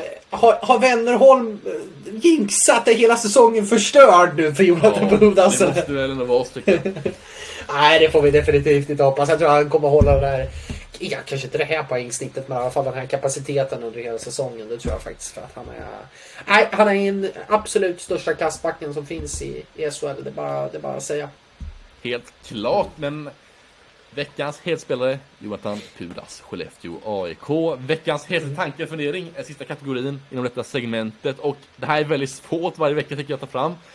Jag sa tidigare att eh, man borde flytta upp Brian Lash till eh, första kedjan eh, tillsammans med Allan Lench och Joel Lundqvist i Frölunda. Men jag har tagit en annan tanke som jag haft under veckans gång och det är Hugo Gustafsson i Växjö Lakers. Han spelar liksom just nu en fjärde kedja i Växjö Lakers. Det jag tycker är väldigt märkligt för det är en spelare som ska en spelskicklig spelare med bra fart, kreativ förmåga och ska spela en andra kedja. Jag har sett han, eller jag tänker att man borde spela han tillsammans med Joel Kjellman och Joakim Blitzfeldt i en andra kedja och peta Manuel Ågren ner till fjärde kedja. Det är min tanke denna veckan.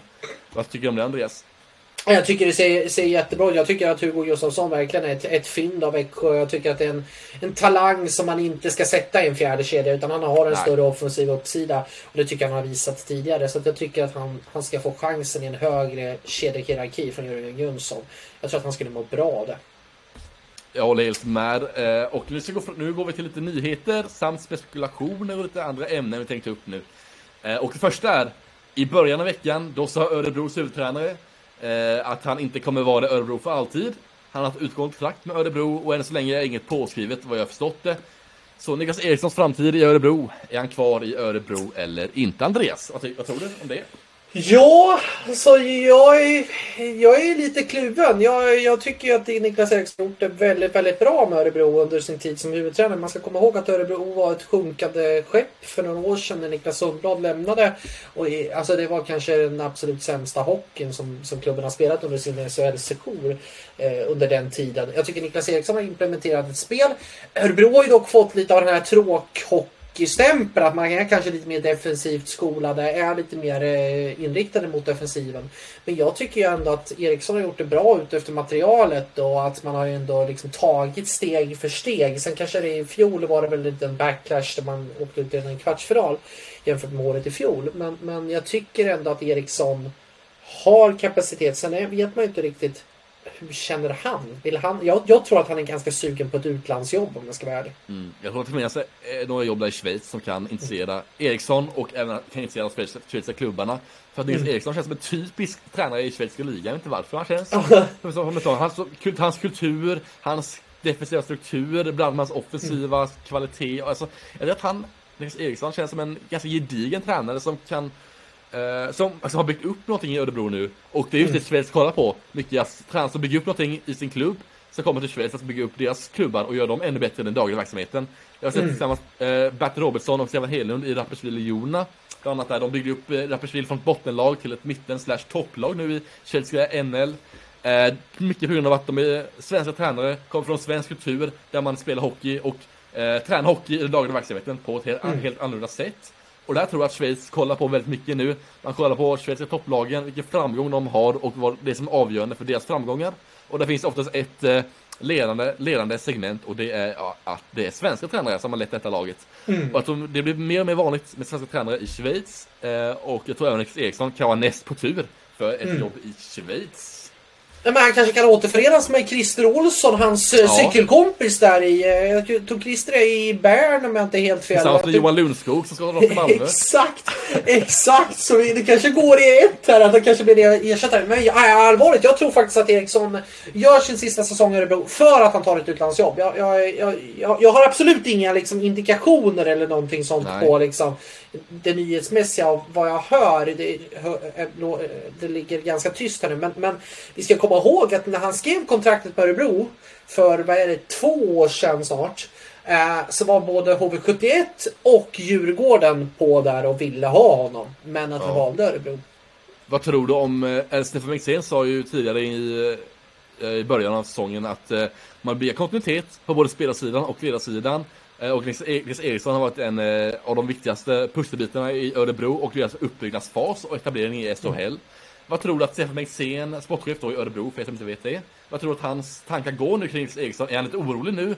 Ska han lämna eller ska han inte lämna? Jag tror att han var kvar Nils Eriksson till att börja med. Som sagt, förra året var ganska floppsäsong för Örebro. Tror du, och vad tror du liksom... Ja, vad tror du att Örebro vill med Nils Eriksson? Ja, alltså det, det är också en, en, en, svår situation tycker jag också. Det var ju lite snack om, som både jag fick indikationer redan i, i, i våras och lite att, att de faktiskt ville ha Thomas Mittell i den, i den, när Mittell blev ledig, alltså redan då att man började titta. Det var dock bara rykten ska jag säga. Så jag har inte riktigt någonting mer på fötter på det. Det är ju mycket, mycket spekulationer. Det jag kan känna lite med, med det är att jag inte ser en naturlig ersättare. För att man har haft Stefan Nyman på backtränare tycker jag inte kan, är riktigt ett är inte riktigt en huvudtränare på så sätt i och med att han har så inriktat på just backverksamheten.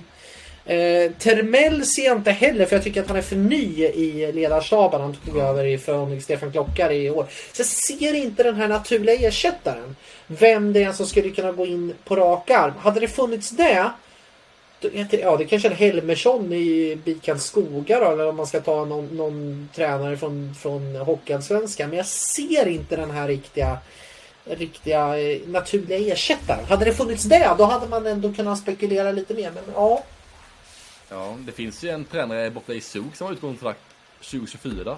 Det är kanske ett år för sent, men Dan Tangnes då, han hade kunnat, tror jag, gått in i Örebro och göra det bra. Det är samma, det är samma struktur som Eriksson tycker jag. Han byggde upp Linköping mm. till ett topplag, eller till ett bra lag i SHL. Eller samma, defensiv, samma spel tycker jag, där defensiv inriktat spel. Eh, där man sputterar defensiv först.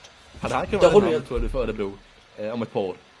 Det har du helt rätt i. Vi ska gå över, apropå Örebro, så ska vi också köra en, en annan het händelse som jag haft i veckan. Vi har haft ett ja, ordkrig, eller liksom, det har verkligen varit eld i brasan.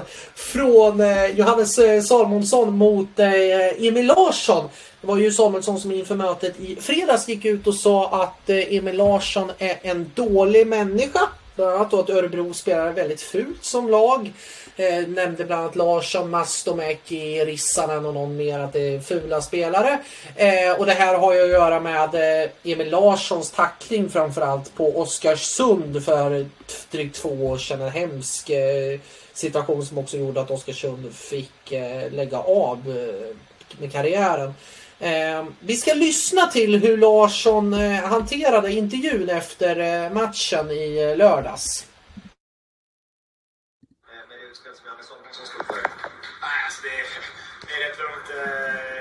Matcher och, och göra så bra som jag kan för mitt lag. Så att, eh, jag tycker vi, vi gjorde en bra match som lag och jag är nöjd med, med den här matchen. Men upplever du att de var ute efter dig på något vis? Nej, tycker jag inte. Ja, om det kring den kritiken som man kommer med, vad säger du om den då? Om, om efterspelet kring det här med Oskarsund? Inga kommentarer alls om det. Var, varför inte då? Jag tänker kring det som han kritiserar är just att, du, att, du, att det är ditt gensvar är just det där. Ja, ja, jag har inga kommentarer. Jag tänker hålla så, så att eh, folk får spekulera. Men har du liksom sträckt ut en hand till Oskarsund? Inga kommentarer. Jag inget att säga om det. All right. Tack så mycket. Så sa alltså Emil Larsson efter till, eh, till Simon om den här situationen. Oskarsund har ju tidigare varit ute i eh, media och sagt bland annat att Emil Larsson inte har hört av sig. Eh, om vi säger efter matchen eh, när det här skedde. Utan att han bara har sagt någonting på isen när det här skedde och någonting sånt som det har varit i, i medierna tidigare. Och, och Emil Larsson när man har försökt att söka honom. Jag själv har försökt att söka honom flera gånger eh, för att fråga om just det här så är det just inga kommentarer. Och jag tycker jag har all respekt för Emil Larsson som, som hockeyspelare och, och, och som, även som människa. Han har varit hur trevlig som helst när man har intervjuat och sådär. Men jag tycker att det här blir väldigt, väldigt fel. Vi har en, en, en spelare som har fått avsluta karriären, som har liksom fått långlivade eh, konsekvenser av det här. Vars fru också har varit allvarligt sjuk.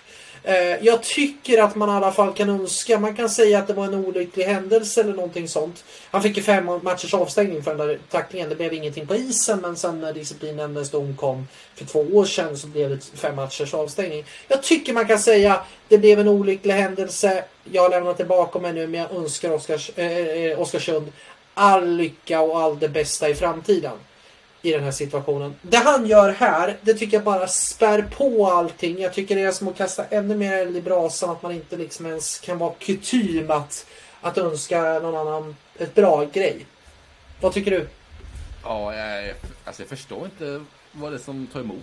Mm. Alltså jag är så här, det är alltså inte svårt att säga så här, ja, ja som du säger där, att ja, jag önskar all lycka till i framtiden. Det är tyvärr tråkigt att det blev så här, men att Eh, jag hoppas han mår bra och så. Alltså det är inte så svårt att säga det. Alltså mm. även om man inte säger direkt efter matchen eller får tag i hans nummer eller någonting. Han kan säga Simon-intervjuer eller någonting sånt. Mm. Alltså det är inte svårt att säga att äh, jag ber snart om ursäkt men att Alltså jag förstår inte varför säger inga kommentarer för jag vad, Jag tänkte på det under veckans gång. Vad är det som gör Vad är det som Emil Larsson kan Han kan ju gå bak och back på detta när han inte säger någonting.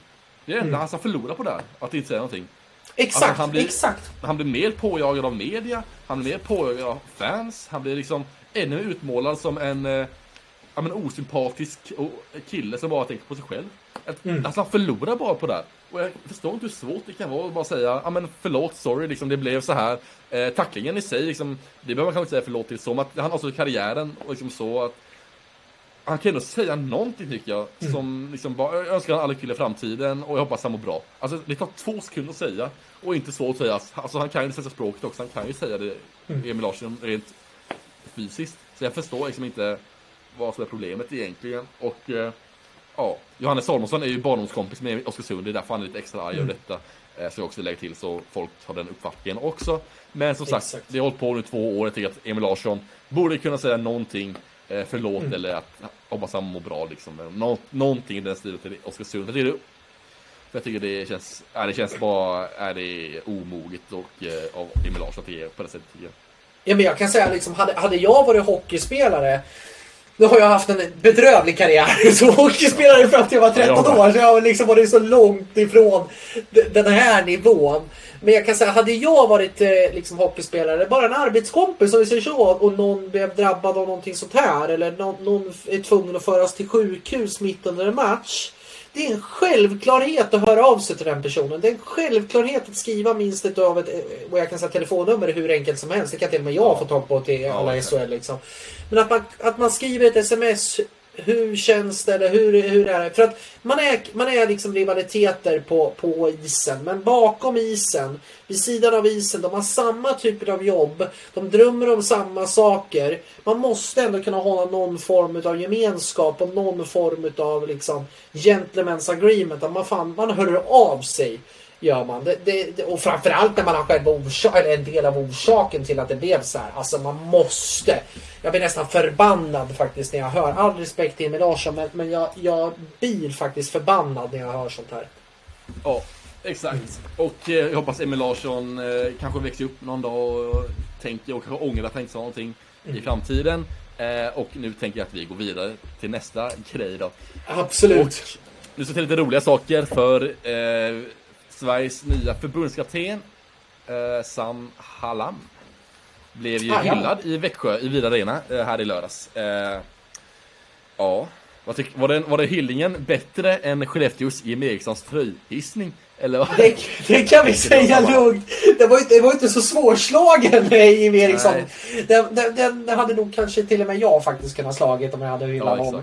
Men, men jag tycker faktiskt det var, det var ståtligt och Hallam. Alltså vilken, alltså, Han skulle ju nästan till kunna kandidera till president med, med liksom Ja, hans ja. retorik och hur bra han är på att prata och hur bra han är på liksom att förmedla saker och ting. Alltså, vilken klass! Och jag tror att det ska bli så kul att se honom ta över det här landslaget nu. För det tror jag det är precis Sverige behöver också. Någon som kan, kan vara lite mer utåtriktad, kan vara lite mer karismatisk än kanske Johan Garpenlöv var.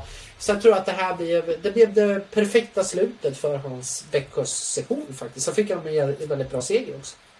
Ja, exakt. Det var väldigt fint tal av Sam Hallam, eller av Sam Hallam, eller Hallam, ja. Han hyllade alla som var med på hans resa. Han hyllade Erik Josefsson, han hyllade Robert Rosé, han hyllade Hellgren i båset bland annat. Alltså han hyllade Evertsson också. Man blev lite tårögd nästan när man hörde Sam prata där eh, inför alla och att ja, man såg på att han var väldigt berörd som sagt, såklart. Eh, och att eh, Växjö har varit en stor del av hans liv. Han har tagit Växjö liksom, till SHL och liksom etablerat dem i SHL och tagit tre SM-guld och varit, alltså han har ju varit otroligt bra. En av SHLs bästa tränare såklart. Mm. Eh, utöver det. Nej, en En otrolig... väldigt eh, rättvis hyllning får jag ändå säga till Sam Hallam där. Otroligt fint. Eh, av Växjöpubliken också med fin tid förra året bland annat.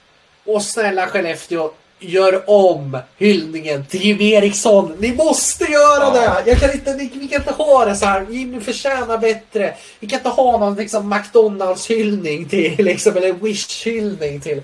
Det är så här det ska göras. Och Växjö, Växjö tycker jag har gjort det genom åren också. Gjort det väldigt bra på att hylla sådär. Är väldigt duktiga på det just den här evenemangsbiten och liksom allting sånt.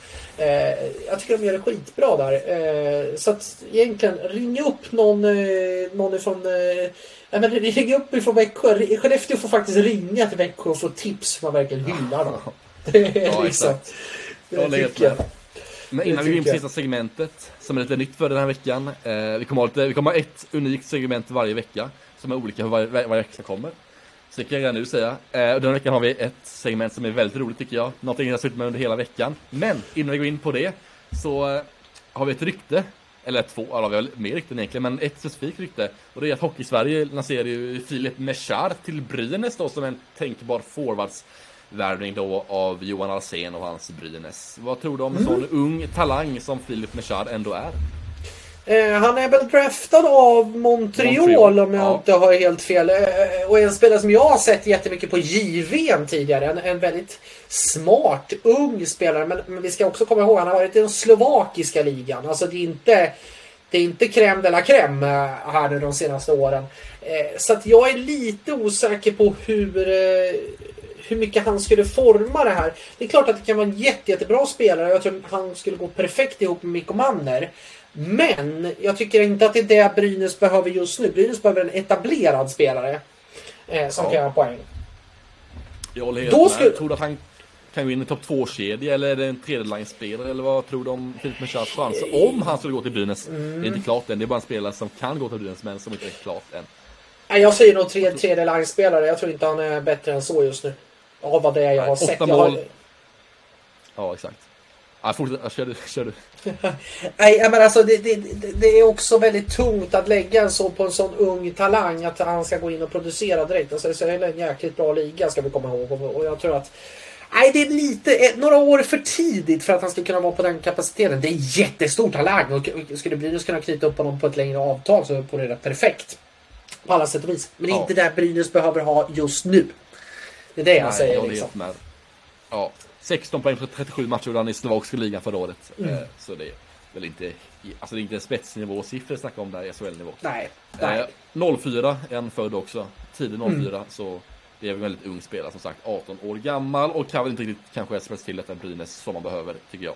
Jag tycker Nej. det kanske är fel väg att gå. Man var William Strömgren nyss som ung spelare, så har man lite unga spelare bakom.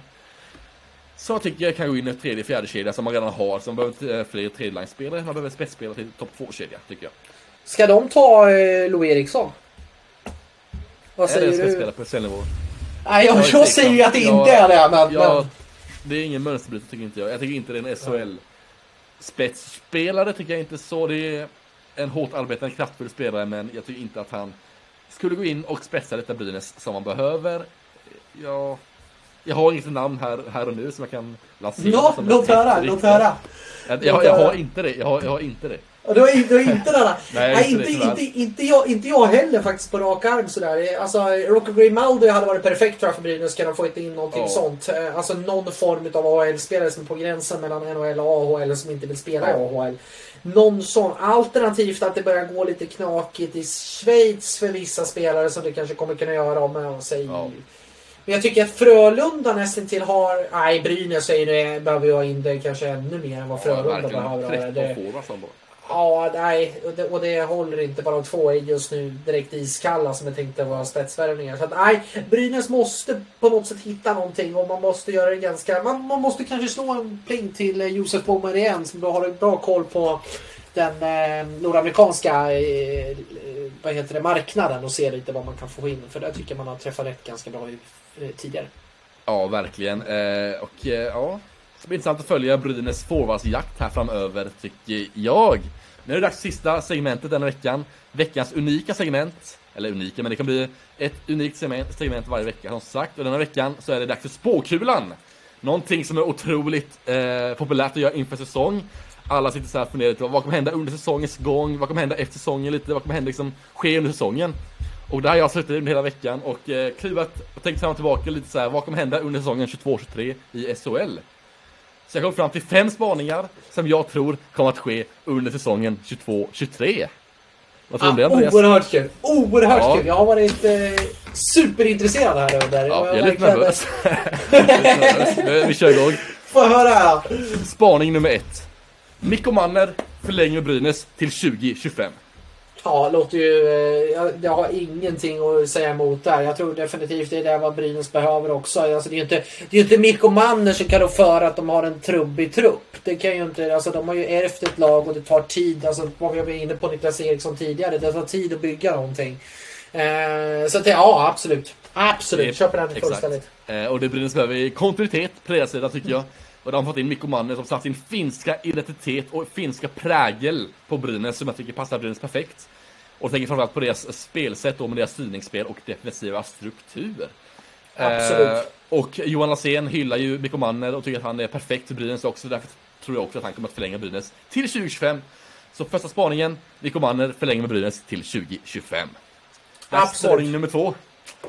Eh, och spaning nummer två är att eh, Skellefteås underskattade center Jonathan Jonsson skriver NHL-kontrakt med San Jose Sharks. Ja, det låter också. San Jose brukar ju ha koll på den svenska marknaden. Eh, och ett annat lag vet jag tror de skulle kunna gå ganska bra in i. Som Ja. får, eh, men han är väl draftad av San Jose va? Ja, Nej, han är inte draftad alls. Nej. Han är Jag skulle vilja se honom i Detroit. oh, Att kunna få in honom i ett ganska så...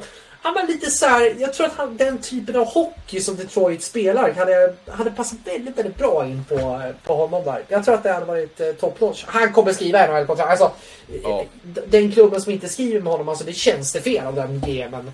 Eh, för så bra är han liksom med, med en offensiv uppsida som man fortfarande kan utveckla. Absolut. jag håller, ja, jag håller helt med där såklart. Eh, San Jose Sharks, jag tänker varför valde just det laget? Jo, de har haft ganska mycket svenska kontakter och scouter i Sverige. De har varit bland annat eh, Strauss Mann och Max Verino under försäsongen. Som har rätt bra fingertoppskänsla när det gäller just spelare i SHL. Eh, framförallt eh, ja, spetsspelare på SHL-nivå. Eh, jag tycker att Jonathan Jonsson eh, är ju spelare förstås, spelar i NHL tycker jag. Att han förtjänar en NHL-kontrakt just nu. Som han spelar här och nu. Jag tror han kommer bli riktigt bra under hela säsongen för Skellefteå AIK. Och eh, San Jose Sharks är ju lite i ett nybygge också. Eh, och många spelare som har utgående kontrakt även i San Jose Sharks, vad jag har sett under veckans gång. Så därför valde jag just San Jose Sharks. För lite roligt och lite spicy extra i denna spaningen. Jag tycker också att det är väldigt bra va- klubbval också för att det är en klubb som just nu också är i någon form av rebuild som Ja, liksom tar, tar tid att, att bygga, behöver bygga om, behöver få in ny energi och det är inget, det är inget omöjligt lag att slå in, slå in sig i. Det är inte liksom New York Rangers forwardsbesättning som han ska gå in Nej. i liksom, utan att det är, det är en, en bra klubb att starta på liksom. Så att eh, absolut. Spaning nummer två var alltså Jonathan Jonsson skriver en NHL-kontrakt med San Jose Sharks. Och det är dags för spaning nummer tre. Eh, Rögles back William Wallinder får göra sin seniordebut för Tre Kronor under Sam Hallam. Absolut! Skriver under på en gång. Jag tror till och med att han kan vara till och med aktuell här nu för november nu när visst är det Karjala tror jag om inte är helt fel. Som, Ja, något som sånt. Drar igång i den så kallade, den anrika men lite ack så tråkiga Eurohockey Ja, det kan man säga. Alltså, fy tusan. Jag vet inte se uppehåll i SHL. Karriala Cup det? Vet, vet du vad du och jag ska göra då? Vet du vad du och jag ska göra med de specialavsnitten? Då ska vi ha också ett seg- segment där vi ska utse spelarnas yrken om de inte Ja, har varit det. Ja, det. hockeyspelare. Så det, det får du verkligen se fram emot för det kommer vara en riktig blockbuster. Eh, nej men i alla fall, alltså, han ska ha chansen i, i, i eh, Tre Kronor. Alltså, som han spelar just nu. Okej, säsongen är väldigt, väldigt ung och han är väldigt ung också i sin Ja. utveckling. Men jag tycker man såg redan i fjol att det är en, det är en klassback och han ska få chansen, definitivt. Skriver under på det direkt. Spaning nummer tre, alltså William Wallinder, får göra sin seniordebut för Tre Kronor. Och spaning nummer fyra, det här kanske är det största, inte långskottet, jag tror stenhårt på det här, men det är faktiskt en värvning som jag tror kommer ske vid årsskiftet. Mm, låt höra, nu är jag väl- väldigt intresserad. Och eh, det är eh, Modos stjärneback David Bernhardt skriver på för Örebro. Ja, inte omöjligt. Problemet är ju, tänker du att det ska ske mitt under säsongen då? Att han går Nej, över eller ska jag tänker så här. Förra året hände ju Fredrik Olsson skrev på vid årsskiftet för Rögle. Eh, tänk samma sak här, att kommer, han kommer skriva på för eh, Örebro vid årsskiftet. Eh, och sen för nästa säsong då, alltså inte den här säsongen utan nästa säsong. Och sen kommer Expressen via Madhawk skriva detta på deras sajter och säga att David Bernhardt avslöjar David Bernhardt skriver på för Örebro. I typ januari, Ja. februari. För Ja, säsongen inte- 23-24. Den är inte omöjlig. Den är definitivt inte omöjlig. Jag vet inte hur eh, Örebro ser ut på kontraktssidan, på backsidan. Eh, Då Holm tänker jag ersätta till. Hardegård i så fall. Ja, och det känns ju verkligen som en... Det hade varit faktiskt, för Hardegård får ju knappt spela just nu i vissa stunder. Så att absolut, jag, jag köper den helt, helt och hållet. En Utvecklingsbar, intressant back som har tagit en annorlunda väg. Väldigt intressant back. Via Finland och så. Jag tycker han var bra redan i Djurgården. Ja, riktigt bra faktiskt. Eh, så som sagt, spaning nummer fyra. David Bernhardt skriver på för Örebro vid årsskiftet för säsongen 23-24. Absolut. Det är dags sista, femte och sista spaningen. Och det får bege oss norrut till Luleå. Och det är att Isak Brännström vinner Luleås interna poängliga. Ja, han ser också ruskigt vass ut. Jag tog faktiskt ut honom i mitt, i mitt eh, eh, vad heter det, SHL, eh, fan. Eller fancy. Nej, fantasy ja, exakt ja. Eh, Alltså en väldigt, väldigt eh, komplett spelare. Jag tycker han ser ut att ha ett bättre självförtroende i år också. Ser verkligen ut att få, få växa. Och kanske kan få lite av den här Pontus Andreasson-utvecklingen. Att kunna vara Ja. ännu, ännu bättre liksom. Han får en större roll eh, och med förtroende och får lite den här omarksplatsen. Eh, Och vi ska också nämna att Isak Brännström har ett utkontrakt med Luleå det här året. Och Ja. många HV-fans sitter och hoppas på att Isak Brännström ska lämna Luleå, ska på HV71. Att Kent Nubbe Norberg ska liksom vara på Isak Brännström redan nu. Och att det är en värvning som han ska prioritera högst upp, tycker HV-fans. Och jag har läst lite på Twitter. Vad tycker du om det? Att Brännströms Isak Brännström har ett utgående, utgående kontrakt med Luleå. Jag tror att det kan vara för HV eller förlänga med Luleå. Ja, det är ju en intressant spelare alltså, det, definitivt. Och det, klart, det, alltså, det blir ju ett, det blir ju ett eh, kontraktsår. Och kontraktsår brukar ju vissa spelare kunna vakna till lite extra. Så jag, och jag tror att, eh, ja det beror ju på lite vad han själv vill. Det kan ju finnas ett litet utländskt intresse säkert från eh, också om man gör det bra liksom nu. Nu finns ju inte KHL och de, de delarna hoppas jag definitivt inte. Ta med tång liksom. De spelarna som går dit. Men, men. Men, men jag, jag, ja, det ska bli intressant att se. Jag tycker att det är, en, det är en spelare som gör bra poäng för ganska så ja, men hyfsad lön. Liksom. Så jag tror det är en ganska så prisvärd spelare att ha i sitt lag. Jajamän, spaning nummer fem. Isak Brännström vinner Luleås interna poängliga. Och jag tror även att Isak Brännström kan förlänga med, med Luleå till 2025 eller 2026. Alltså skriver långt kontrakt med Luleå tror jag han kommer göra. Om jag ska vara helt ärlig. Nej, Men det var, det var fantastiskt. spåkulan. Det var spåkulan Su- denna vecka. Superbra spaningar. Ja, och nästa vecka kommer ett nytt segment. Eh, så det kommer vara varje vecka, det kommer komma nya segment varje vecka. Som var lite unika och lite roliga sådär. Så det hoppas det jag känns- att vi ser fram emot. Känns fantastiskt och det är så kul att få göra den här podden ska ni veta. Alltså, det, är, det är veckans höjdpunkt. Det Ja, är det verkligen. verkligen. Det är så jäkla kul att få snacka av sig hockey av start nästan till två timmar om vi suttit över det. Alltså, Ja. Det är fantastiskt ska ni veta. Ja, det, vi kommer aldrig snacka två timmar idag igen, men nu är det uppe i två timmar igen här. Ja, Men ändå nu har det 40. nått- Ja, exakt. Ja. Nu har ändå nått slutet här, tänker jag. Eh, Vilken hockeyvecka vi har att se fram emot också. Det är, det är väl eh, Malmö mot Luleå, Emil Sylvegård mot eh, Leo Komarov. Alltså det är bara gnugga händerna och bara eh, ja, längta till att se den drabbningen. Alltså, så att det, Ja. det, det ska bli skitkul att se den här veckan. Och ännu fler. Vi kommer ju under poddens gång också kunna liksom dra mer och mer nyanser av ju mer och mer vi ser av spelet och ännu mer djupare analyser. Och det är... eh, Nej, det är fantastiskt att SHL är igång och eh, den är sådär lite ruggigt, septemberruggigt som det verkligen bara blir det är nu så är det är det, mysigt. är det skönt att det värmer upp i vardagen. Vi har bland annat ett Skåne-derby den här veckan som kommer. Och ett Smålands-derby också på lördagen med. Så det är mycket fram emot den här veckan. Ja, det blir helt magiskt. Men Ja. alltså, och sen är veck, alltså, de lagen som jag tror blir viktigast för framförallt är ju Brynäs och, eh, och eh, Linköping. Hur de kommer att eh, ta sig an de här uppgifterna under veckan. Brynäs spelar ju redan imorgon, eller idag när det här programmet släpps då. I, Ja. Mot Örebro då. då. Väldigt, väldigt viktig match för deras del faktiskt. Exakt. Och sen Linköping, ser lite hur, de, hur det går för Linköping nu. För de har varit väldigt knackigt än så länge tycker jag. Även HV71 och Timrå har mer att bevisa tycker jag. Så det är kul att se hur de presterar den här veckan. Och om de kan ta ytterligare kliv i sitt spel. eh, Och om de kan leverera för en gångs skull. Tycker jag.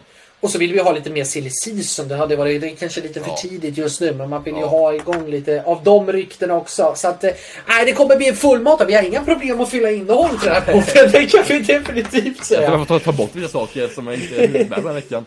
Som jag har tänkt upp nästa vecka. Exakt, så det är helt fantastiskt att vi är igång. Och eh, som sagt, har ni lyssnarfrågor eller spaningar eller någonting. Bara skriv till oss. Vi tycker det är så kul när ni hör Ja, av er. verkligen. Och eh, ja, njut tillsammans verkligen av eh, den här fantastiska hockeyn som vi har här ute. Och ta hand om er ute i vardagen också. Viktigt att komma ihåg när det är elpriser som skenar och det är tufft. Ja, men det kan vara tufft ibland i, i vardagen med Ukraina och allting som sker. Så det, det är viktigt att, att vara snälla och ta hand om varandra där ute. Det tycker jag får bli, Verkligen. det får bli mina vi- visdomsord Ja. härifrån Ja, det låter bra. det här året. Nu. Så då hörs vi nästa vecka igen. På tisdag så är vi tillbaka med en ny podd nästa tisdag. Men ha det bra Det nu så vi. hörs vi nästa vecka. Det Hej då!